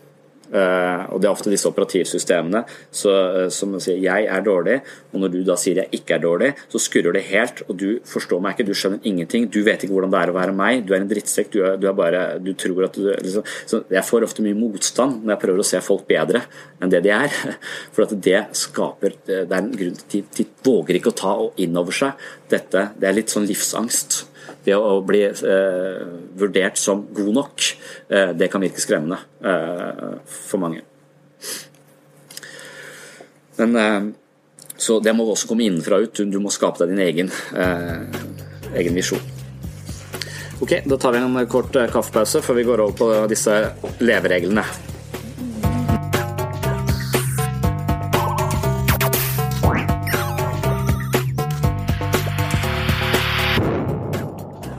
Har vi sett litt på disse ideene om endring, og hvordan det kan være, uh, være vanskelig. Uh, det kan være vanskelig både fordi at eh, miljøet rundt oss vil kanskje uh, motsette seg det. For det vi kommer til å Hvis jeg forandrer meg, så skal, forandrer jeg også noe i de menneskene i, som står meg nær, eller som jeg har en relasjon til. Så de må også på en måte bevege seg litt, hvis jeg beveger meg, sannsynligvis. Ikke sånn åpenbart, men på et eller annet, eh, et eller annet nivå. Eh, så, så, andre, eh, det miljøet vårt kan gjøre det litt vanskelig for oss, men, men det som som regel gjør det vanskeligst for oss, er vårt eget, vårt eget indre operativsystem, vår egen idé om, om, hvem vi er, og, og de mønstrene som ligger dypt i oss. De ligger jo et eller annet sted. Noen sier de ligger i magen, og de snakker til oss uten at vi hører det. Men likevel så hører vi det, og de styrer måten vi tenker, føler og handler på. Ehm, så selvutvikling vil være å ta disse mønstrene ut i lyset. Eh, det er det man sier at terapi er også. Så ta trollet ut i lyset, så eksploderer det. Eller gi det et navn, så eksploderer det. Så det forteller disse folkeeventyrene oss, og det er jo det som er grunnleggende ideen i, eh, i psykologi også, at vi, vi, vi, tar det ut i lyset, vi ser de. Når vi ser de, kan vi forandre de. Eh, vi gjør det med nå intellektuelt. Etterpå så er mindfulness mye om å sitte som en, et slags vitne til seg selv være. Se tanker og følelser dukke opp uten å fanges av det. Være en nøytral observatør av sitt eget indre liv, og ikke gi det noen verdi, bare, bare se det uten å, å, å være i det. Eh, og det er hvis vi klarer å hvile i denne posisjonen, at vi av og til klarer å hente inn flere perspektiver og, og klarer å forholde oss rolige i situasjoner vi før hadde vært eh, totalt uh, fanget av og oppført oss på automatikk. Det er veldig mye automatikk eh, i oss. 95% er ubevisst, som vi har snakket om før, og det, det er ganske mye. Så det er bare det er disse 5 som vi ønsker å utvide og bruke mer. Rent evolusjonsmessig så, så, sier de at de er ikke så gamle. Eh, de noen sier helt ned på så, så, prefrontal cortex sier det er eh, Alle sånne nevrobøker er ofte sånn der Hvis det, det er liksom en gud, gud sin finger peker ned på, på frontallappene våre. Eh, det er det som gjør oss til mennesker. Hvis, vi, hvis, det er noe eh, spesielt med oss, så er det vår evne til å hemme impulser eh, og lage parallelle virkeligheter. Vi kan hypoteseteste. Så vi kan stoppe og se nei, kanskje hvis jeg ser for meg sånn og sånn, sånn og sånn, så kan jeg gjøre sånn og sånn isteden. Så, så det er jo det vi ofte ønsker. Istedenfor å gå på automatikk og være søvngjenger i eget liv, så ønsker vi en større bevissthet om det som, det som foregår. En mer tilstedeværelse i, i, det, i det som skjer. Men levereglene er eh, da eh, en, eh, en teori som kanskje kan anspore oss til å kikke innover og oppdage noen av disse mønstrene som vi har i oss. Og inne på, den hjemme, på hjemmesida på Webpsykologen, der har sikkert de fleste vært og sett, så, så har jeg en egen Helt i sidekolonne der så ligger det en sånn der personlighetstest, tror jeg jeg kalte det. Så man klikker inn der, så kan man på en måte score seg selv, og så kan man havne uh, ut på den leveregelen som uh, eventuelt er mest relevant uh, for deg, eller den som scorer seg sjøl. Noen har ikke negative leveregler, men de fleste av oss har tendenser til de. Og, det å kunne score seg selv og finne ut av hvilke leveregler er, er mest Eh, eller er viktigst eh, for meg da, eh, i mitt liv, det, det, kan være en veldig god hjelp til å komme litt raskere inn i kjernen av sitt, av sitt eget indre, indre, liv. Så alle, alle, de pasientene som jeg har i min jobb, de får et skjema som jeg deler ut, og så får de en tilbakemelding av meg på, på hvilken leveregel som vi kommer til å ha fokus på i behandling. Altså disse mønstrene. Så, og Da ligner jeg litt på scientologikirken. Uh, og det skremmer meg litt. Hvis det er noen som har stoppa på Karl Johan og så får testa seg sjøl, så får de, en, får de, en, rapport på alle de tinga de feiler. Og så koster det så og så mange tusen å, å få hjelp av scientologene og rykke opp i hierarkiet. Så når jeg ser den likheten, så, så blir jeg mildt sagt litt skeptisk til min egen virksomhet. Mm. Noe som er sunt, tror jeg, å, å, se på. Um, men leveregler er noe som eh, starter tidlig i livet, som legger seg som et operativsystem og kommer til å, å, å påvirke måten vi tenker og føler på også senere eh, i livet. Du kjenner det igjen på at det er mønster som stadig dukker opp gang på gang i livet ditt. Freud og, og, Hvis du har sett den filmen 'Den farlige metoden' altså med, med, Freud og Jung, så sier Jung gjentatte ganger gjennom filmen at han tror ikke på tilfeldigheter. Han tror ikke på at noe er tilfeldig.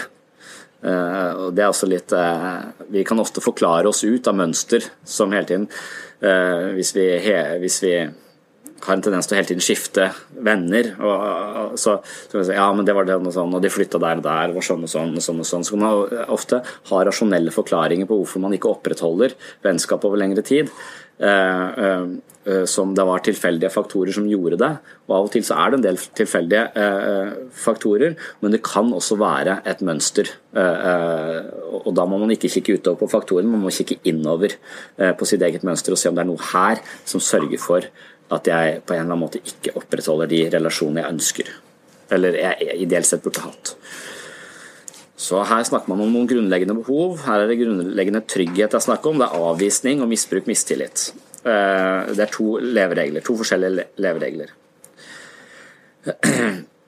Avvisning snakker vi så mye om på det første kurset, så jeg er litt usikker på hvis det har vært få som har vært der, så kunne jeg gjenta at det er litt illustrativt. Eh, eh, for, men på det første kurset snakker jeg, og jeg må ta det veldig kort versjon av det, er Hege som mister faren sin.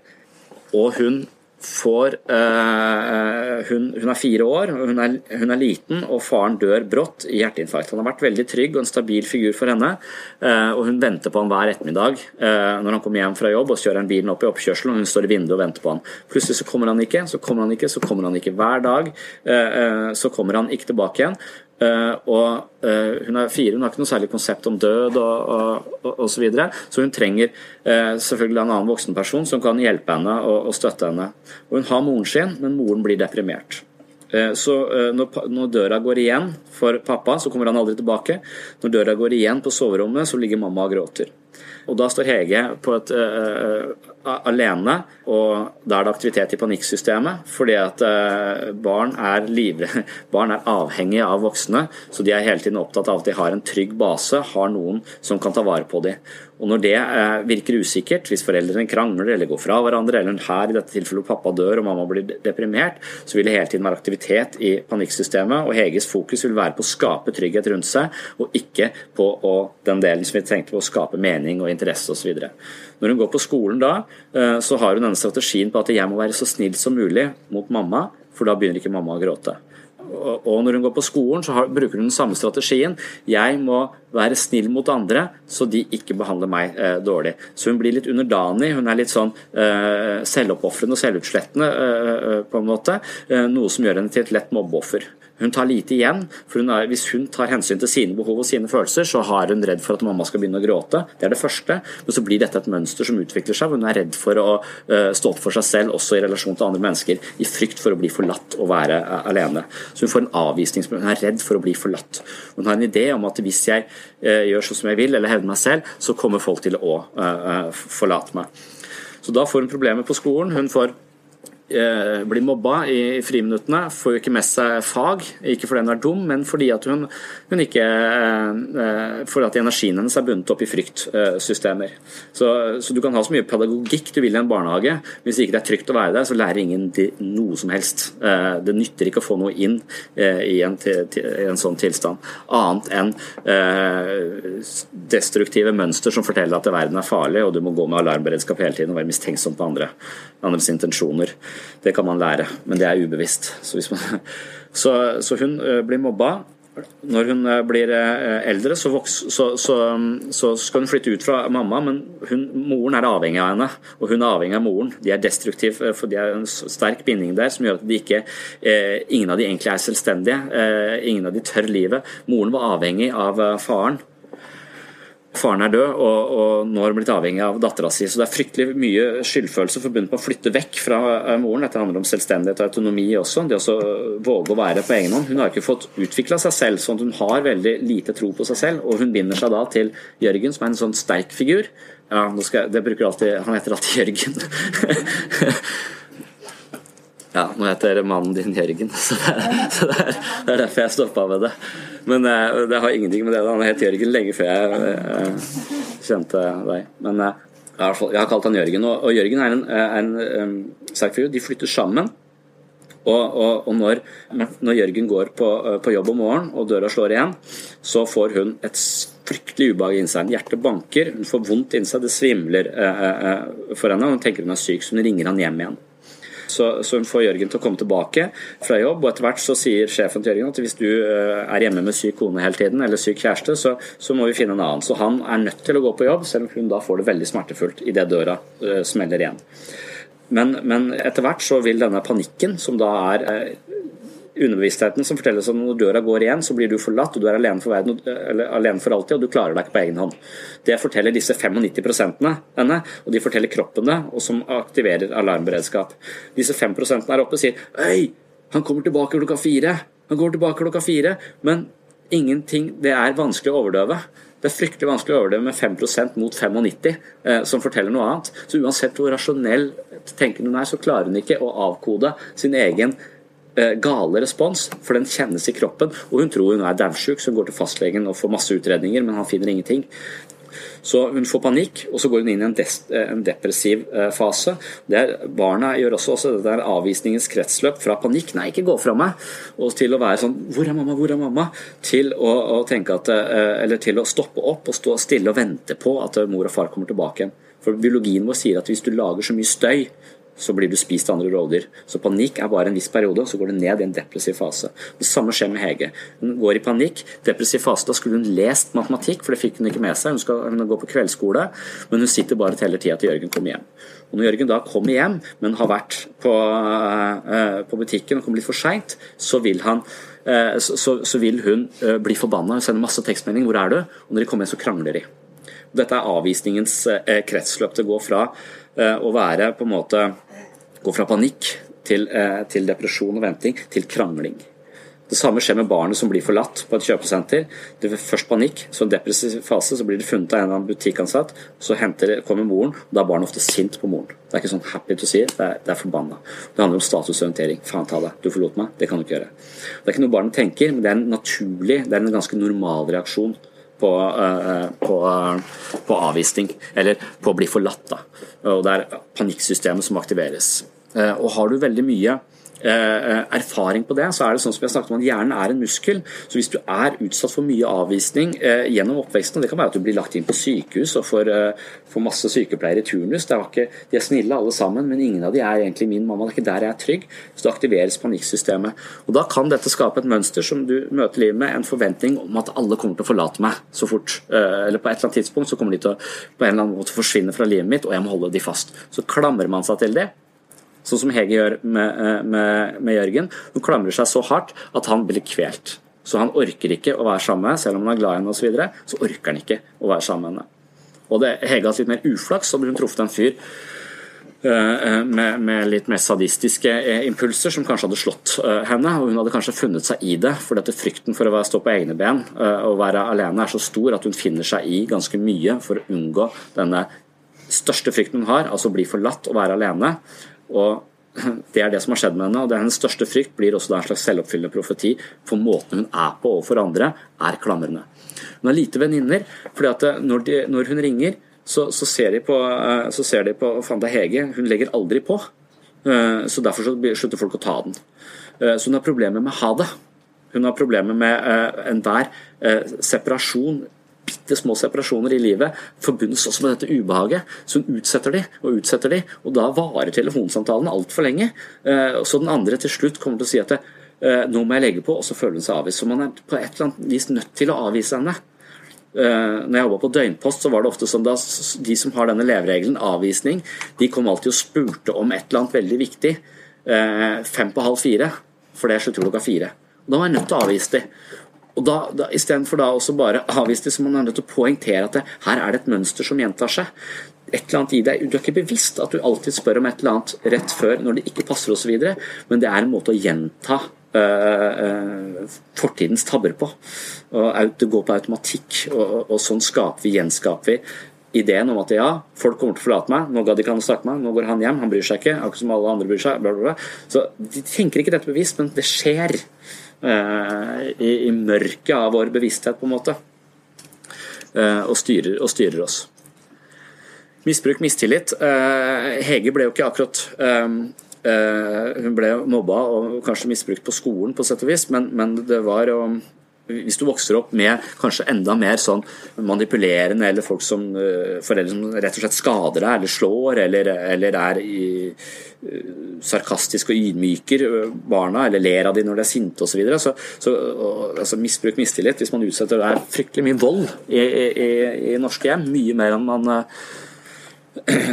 skulle tro, har jeg inntrykk av.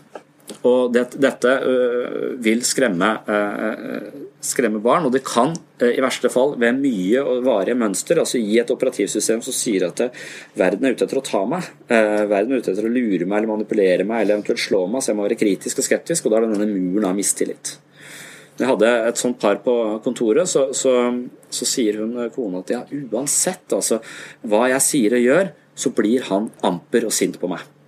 Eh, og så Har du noen eksempler? Ja, vi var og sto på skøyter eh, her forleden, sier jeg. Og så falt han. Og så syntes jeg det så ganske stygt ut, så jeg løp, eh, så jeg bort for å hjelpe han opp. Og da ble han eitrende forbanna på meg. Og jeg var det, jeg ville jo bare hjelpe. Han sier nei, jeg tror ikke du vil hjelpe, jeg tror at du, du, var, du ville bare bort og hjelpe meg for å vise at du er bedre enn meg og le av meg fordi jeg falt. Eh, det er det operativstyret. Er sånn han tolker denne, denne, situasjonen, som at hun er ute etter å hovere over at hun er mye bedre enn han til å stå på skøyter. Så det er en ydmykelse i det, så han vil ikke ha hjelp, så han bare dytter henne vekk. Eh, mens hun er der for å prøve å hjelpe han. Så det er vanskelig å være snill mot han. Det er vanskelig å, være til, til, stede, fordi operativsystemet hans tolker situasjoner på en måte som, eh, som ikke borger for nærhet og tillit, men for avstand og skepsis. Det er vanskelig å komme inn på sånne, sånne mennesker. Så hans operativsystem hindrer han i å ha fortrolige denne innerste sirkelen jeg snakket om i stad, relasjoner til andre mennesker. Og Dermed så, øh, så ser vi igjen at fortiden hans øh, ødelegger øh, voksenlivet hans, evnen til å relatere seg. Selvstendighet har vi snakket om. Ja, Avhengighet ligner avvisning også, de går over i hverandre. Men en idé om at jeg er ikke kompetent til å takle livet så jeg trenger å finne sterke andre som kan fungere som krykker for meg. Hvordan kommer du ut av det der? da? Man ser det. Det, det, er mange Grunnen til at jeg har dette på et selvutvikling, er fordi jeg tror at mange kjenner seg igjen i det. Og når de kjenner seg igjen i det, så har de på en måte de første skritt på veien til å skape en forandring. Du må identifisere ditt eget mønster. For stort sett så er dette her i skyggen av bevisstheten vår. Det, bare, det er vårt subjekt. Det er sånn vi er. Og situasjoner slår oss, og tenker, vi tenker det er tilfeldig, eller vi er, vi er ikke bevisst hvordan vi relaterer oss, og hvordan det er påvirket av våre tidligere relasjoner. Det folk kanskje oppdager, som jeg oppdager selv, at jeg, faen, jeg er litt lik faren min som pappa selv. Og det dukker opp i meg. Så jeg trodde ikke jeg hadde Kanskje noen av hans dårligste sider dukker opp i meg også. Det, det er sånn som av og til er litt tydelig for meg. Men ut ifra det så går ikke jeg tenke på liksom hvordan Eller jeg gjør det når jeg er i, selv i behandling, på en måte. Så, så, så blir man mer, mer, bevisst. Hvis du ser et barn har det sånn som det du har forklart nå, som nå har blitt ungdom, hva gjør du med, det, med den ungdommen da? Med ungdom? Mm var nok et 17, kanskje. og ja, ja, hun, ja, ja jeg, jeg traff ikke hun før hun ble skilt fra han eh, Jørgen. Mm. Da forteller vi denne historien. Det er sånn jeg fikk vite om den historien, for det var fortellingen om hennes, eh, hennes liv. Og Psykoterapi handler jo ofte om å skape en sammenhengende forståelse av hvem vi er, ut ifra hva vi har opplevd, istedenfor at vi bare blir tatt på senga hele tiden og så bare har mønster som, ikke, som bare vi er fanget av. så trenger vi å se dem. Og det jeg driver med, er med sånn dynamisk psykoterapi, som handler om å eh, det handler om å se tanker og følelser, mønstre der også, men det handler også om å se dette i relasjon til historien din. Eh, dynamikken i relasjonen mellom meg og den andre. Jeg vil ofte eh, si mye om hvordan jeg føler den andre personen er i forhold til meg. Hvis noen mennesker gir meg prestasjonsangst, det kommer jeg til å si. Jeg blir litt usikker, akkurat som jeg føler jeg ikke er god nok når, jeg, når, jeg, snakker med deg. Det er jeg interessert i. hva tror du det er for noe? Og det, ofte så har det noe med, med, med disse levereglene. Så komme ut av det handler om å skape bevissthet rundt det, og det er det mindfulness også handler om. Det handler om å, å hvile som en observatør til sitt eget indre liv og ikke være fanget av det. Som mindfulness kan man se på det trener opp den muskelen du trenger for å forstå dette i ditt eget liv. Jeg si. Så jeg mener at mindfulness og psykoterapi henger veldig tett sammen. Men de opererer på litt forskjellige måter, eller selvinnsikt. Trenger ikke gå i psykoterapi. altså Evnen til å forstå seg selv. Den, den, handler om at vi må tåle følelser og ideer som vi tidligere har vært utenfor vår, vår bevissthet. Og mindfulness gir på et eller annet tidspunkt en erkjennelse av at jeg er ikke mitt eget ego. Jeg er en som hviler, som kan se mitt ego. Og da blir ikke ego så viktig lenger. Jeg må være sånn og sånn. Ego er den der som må bli behandla på en eller annen måte for å føle seg helt. Det, platene i ego blir litt løse, du, blir, du, får en større avstand til det. Fordi du, du hviler som et vitne til, til, deg selv. Og det er en mental muskel vi kan trene opp. Så, eh, så, så, eh, så mindfulness gir oss de musklene vi trenger for å løfte den innsikten vi, vi har behov for for å skape endringer i livet vårt. Så mindfulness i seg selv kan hjelpe. Det kan hjelpe veldig mye, men det finnes guruer og folk som har meditert i 100 år, som har en dårlig personlighet. Det er i hvert fall noen som, som, som sier Det er ikke sikkert det, det skaper en avstand til ego, så de vil ikke være så fanget av 'du må like meg, hvis ikke så blir jeg helt nedtrykt'. For at det, ego, det er ego sitt behov. ikke sant? Ego i underskudd trenger å få oppmerksomhet. Og noen, f.eks. narsissisten, er vokst opp med en en forståelse av narsissisme er, er, Jeg vokste opp med en deprimert mor som du måtte skape noe, eh, et sånn falskt selv, for å bli beundra eller for, for, å være god nok for de som var rundt deg. Og så lever du dette livet du trenger hele tiden dette falske selv som ikke er deg, men som er noe du har skapt. Og det trenger hele tiden applaus for å ikke gå til grunne. Og med en liten kritikk så faller det helt sammen. Og da vet du ikke hvem du er eh, lenger, så du tviholder på dette. Og du oppfører deg ganske egosentrisk og, og, og bedritent for å forsvare dette Eh, dette jeg og alle andre har feil, jeg har rett. Og meg selv. Eh, det er ikke svar på spørsmålet men jeg, jeg, jeg, tror det eneste jeg kan svare på det, det handler om det vi kan se ved oss selv, stripper vi for muligheten til å styre livet vårt. Det er en grunnleggende idé. Så er det mange andre ting når vi snakker om oppskrift på selvutvikling, som var på det kurset forrige gang, eller forrige gang der igjen, så handler det om forskjellige ting. Hvordan henger trening sammen med dette? Hvordan henger meditasjon sammen med psykoterapi? Hvordan hjelper det å lese bøker? Det er det, det jeg hadde på den plansjen i stad, oppskrift på, på selvutvikling, som går mer inn i et annet, eh, annet kurs. Ja. Mm, avhengighet. Eh, du har to former for, eh, for, avhengighet. Du har den skjulte avhengigheten og den åpenlyse avhengigheten. Den åpenlyse er den som klamrer seg til andre og bruker de som krykker. Og oppfører seg litt sånn eh, ta vare på meg. Eh, eh, noe som Ja, det der er ikke et bra parforhold, liksom. Men så har du også eh, de, eh, de menneskene som har den skjulte avhengigheten. Eh, og den skjulte avhengigheten er de menneskene vi ser på som ekstremt kompetente. Og, og, som klarer livet sitt på alle mulige måter.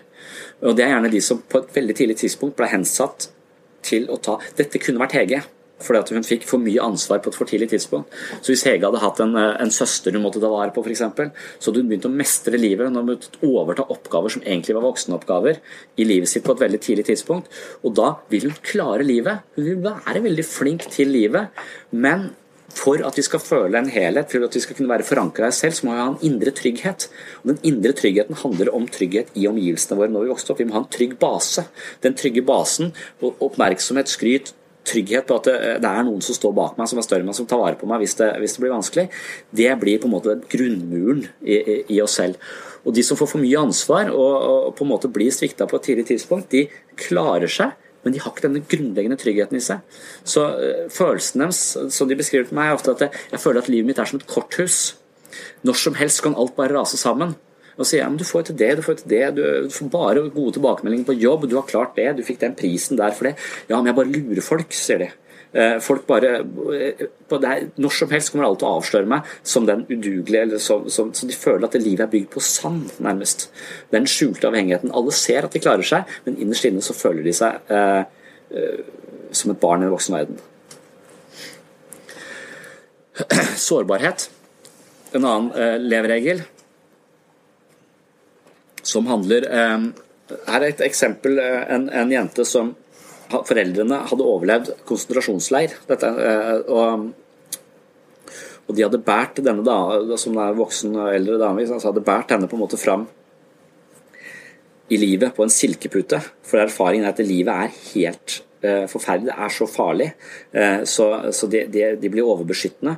Eh, og deres egen, egne traumer, deres egen angst De lærer jo å forstå verden gjennom andres øyne. Så er foreldrene dine veldig engstelige og redde, så, så ser jo du også verden med deres linse i, i, i første omgang. Så, så, um, du kan selvfølgelig endre på det, men det, det vil automatisk bli en del av Liksom, de som har småbarn, jeg har småbarn, og så ser jeg jo at eh, min lille sønn på ett år hele tiden ser på meg for å kode situasjonen. Det kommer en høy lyd, så kikker han opp på meg for, å sjekke. Det, er jeg som avgjør hvorvidt dette er farlig eller ikke. Uh, og, og, og, da det, da vil jo jeg også på en måte være med på å regulere hans fryktresponser. Uh, sårbarhet er da et, et mønster som f.eks. hun som jeg snakket om, jeg husker ikke hva hun het, men hun hadde det da ganske overbeskyttende og engstelige foreldre pga. all den driten de hadde opplevd. Så var det helt naturlig at de var sånn. Men, men, men de var også uh, på en måte Hun ble så beskytta at hun egentlig ikke helt heller lærte seg å leve. og Hun ble også redd og engstelig for masse ideer. Jeg husker at hun, hun hadde vassa ut, hun var syv år og vassa ut, sto uh, helt stille på sjøen. Så sto hun med vann til knærne. Så kom hun løpende. 'Du kommer til å drukne!' skrike. ikke sant? Så, så, så det, er, det, er, frykt og engstelig, så pass på. Ikke gjør det. Pass på, det kan være farlig. Pass på, pass på hele tiden. Det, uh, jeg tror de fleste som har barn, kjenner den derre Av og til så tenker jeg Uff, skal jeg si at det er farlig, eller skal jeg bare la den blomsterpotta deise i huet på han, liksom. Og av og til så tror jeg bare blomsterpotta må eh, må falle. fordi at de må få en slags erfaring på Hvis vi hele tiden passer på at det er farlig, det er farlig, farlig så kan vi skape et slags engstelig eh, forhold til, eh, til omgivelsene.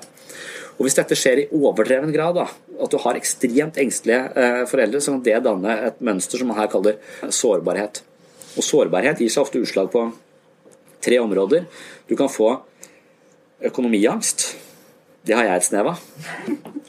Du kan få eh, Du kan være redd for store oversvømmelser og farer. Sånne, sånne naturkatastrofer. Eller så har du hypokonderen. Redd for å bli sjuk. Det er, disse, det er, der det ofte manifesterer seg. En grunnleggende usikkerhet i oss selv, eller frykt for verden, eh, for et ansikt på de områdene som er eh, ganske viktige eh, for oss. Naturkatastrofe kjenner ikke jeg meg igjen i. Hypokonderen kjenner jeg meg litt, litt igjen i. Men, men, men, økonomiangsten er den, er den, sterkeste eh, for meg. For jeg tror vi har bundet vår sikkerhet opp til økonomi. Hvis ikke vi har inntekt, så dør vi. Før så var det storfamilien som tok vare på oss. Eh, nå har ikke det vår, vår trygge base, nå er det det eh, å ha en inntekt.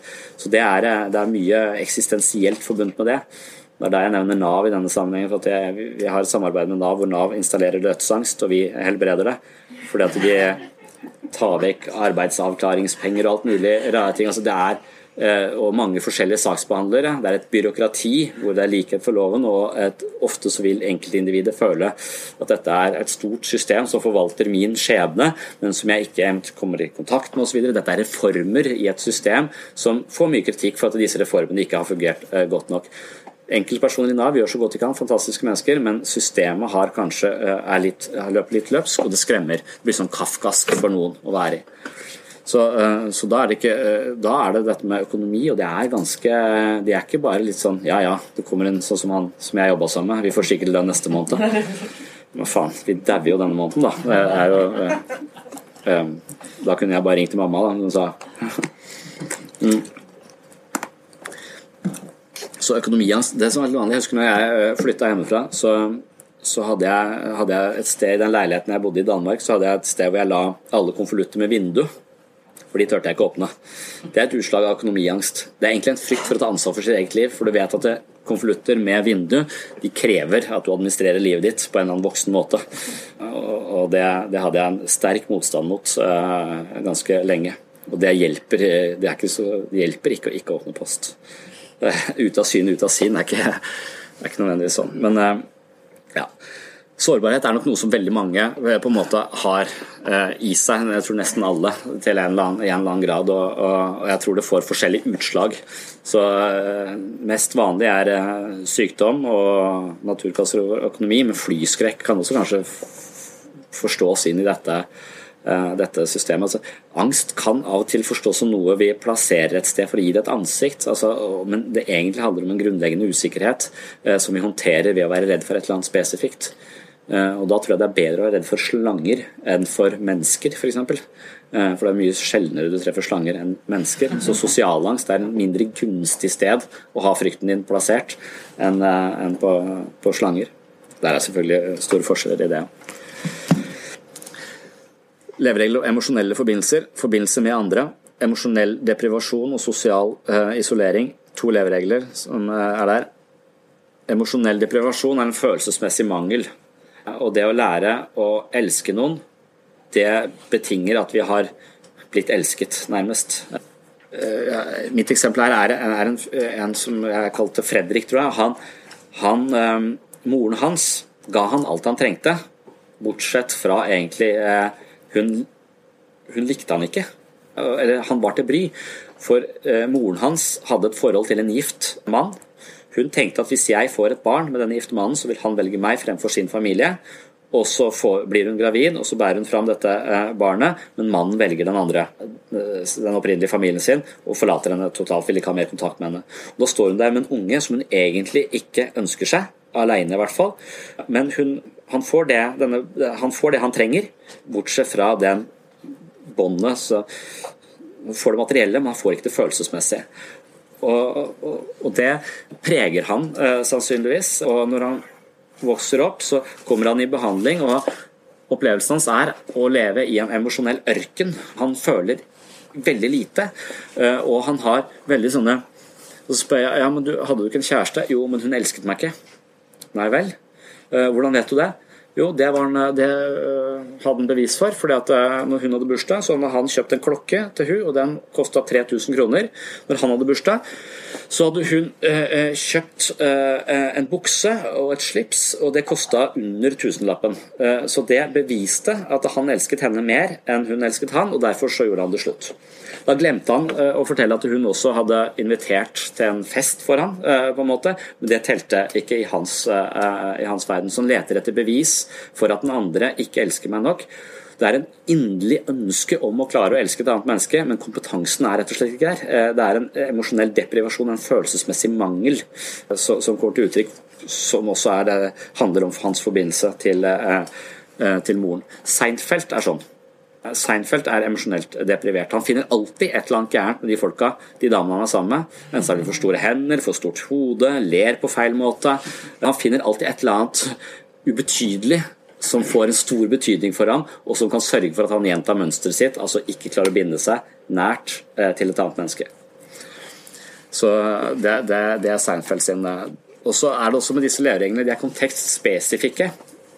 Så Christian, for eksempel, som er en annen fyr, som vokste opp med en, eh, en mor som hadde karriere som sitt eh, eh, som det viktigste i sitt liv. Og når han vokste opp, så var det ikke så vanlig at kvinner hadde den typen karriere som hun hadde. Hun var veldig høyt på strået.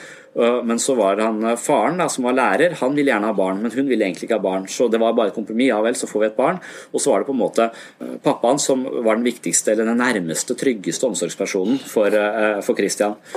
Og det han opplever når han kommer i behandling, er at problemet mitt er stort sett at jeg ikke klarer å være i forhold til en, en dame. Jeg finner Alle mine forhold går i oppløsning. Jeg klarer ikke å binde meg til, et, eh, til en livspartner. Og Da forteller han liksom om de fire-fem siste. sier at ja, hun var sammen sist, hun bodde øh, eh, så langt unna at det funka ikke. Hun var sammen før der. Hun kom akkurat ut av et annet forhold, så hun var ikke klar for, eh, for noe nytt. Hun var sammen med, sammen med der. Hun, hun, var heller ikke ute etter noe sånn langvarig forhold. Hun, hun hadde barn. Og, altså, det var alltid et eller annet med disse kvinnene som, som var, de var utilgjengelige for han. Så han fant hele tiden kvinner som var utilgjengelige, og som han ikke klarte å skape denne nære kontakten med. Men han hadde masse gode venner. Han, han var en veldig god kompis, han hadde veldig mange nære, gode, gode, venner. Og Det kan på en måte kanskje da reflektere hans oppvekst. altså En, en far som var der og ga han mye, mens en mor som var utilgjengelig. Så gjenskaper vi disse, disse mønstrene eh, i, eh, i, i, livet vårt. Så Denne typen psykologi liksom, Som psyk psykolog så er jeg veldig opptatt av at jeg skal ikke presse mitt verdensbilde ned over hodet på andre folk. Jeg skal bare hjelpe dem til å kikke innover. Eh, men akkurat denne typen psykologi de gir konkrete råd til noen mennesker.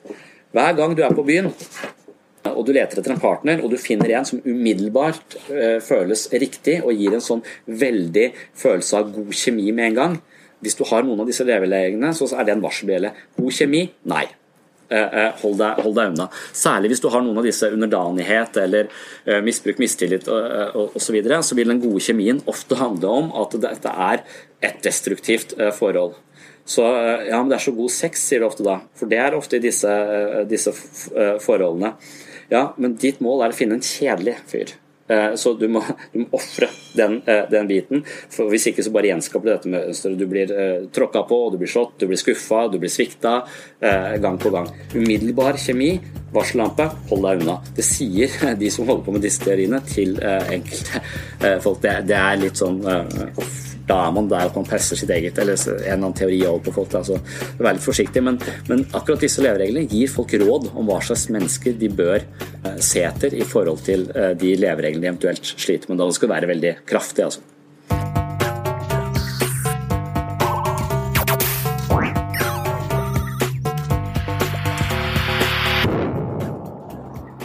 For at du hørte på Webpsykologens eh, podkast. Er du mer interessert i psykologien rundt negative leveregler, er dette noe vi kommer tilbake til i en senere episode.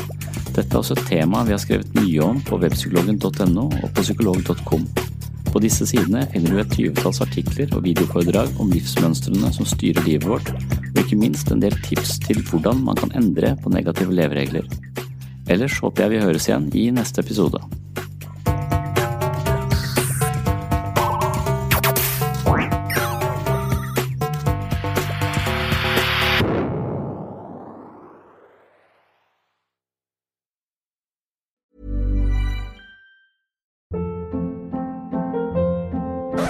Hold up. What was that? Boring. No flavor. That was as bad as those leftovers you ate all week. Kiki Palmer here, and it's time to say hello to something fresh and guilt-free. Hello Fresh. Jazz up dinner with pecan-crusted chicken or garlic butter shrimp scampi. Now that's music to my mouth. Hello Fresh. Let's get this dinner party started. Discover all the delicious possibilities at hellofresh.com.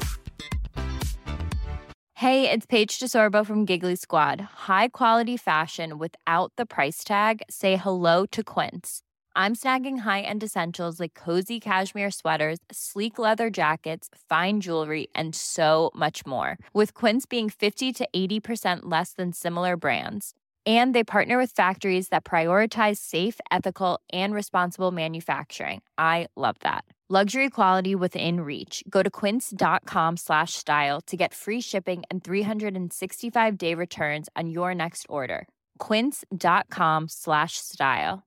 Imagine the softest sheets you've ever felt. Now imagine them getting even softer over time. That's what you'll feel with Bowl and Branch's organic cotton sheets. In a recent customer survey, 96% replied that Bowl and Branch sheets get softer with every wash. Start getting your best night's sleep in these sheets that get softer and softer for years to come. Try their sheets with a 30-night guarantee. Plus, get 15% off your first order at bowlandbranch.com. Code BUTTERY. Exclusions apply. See site for details.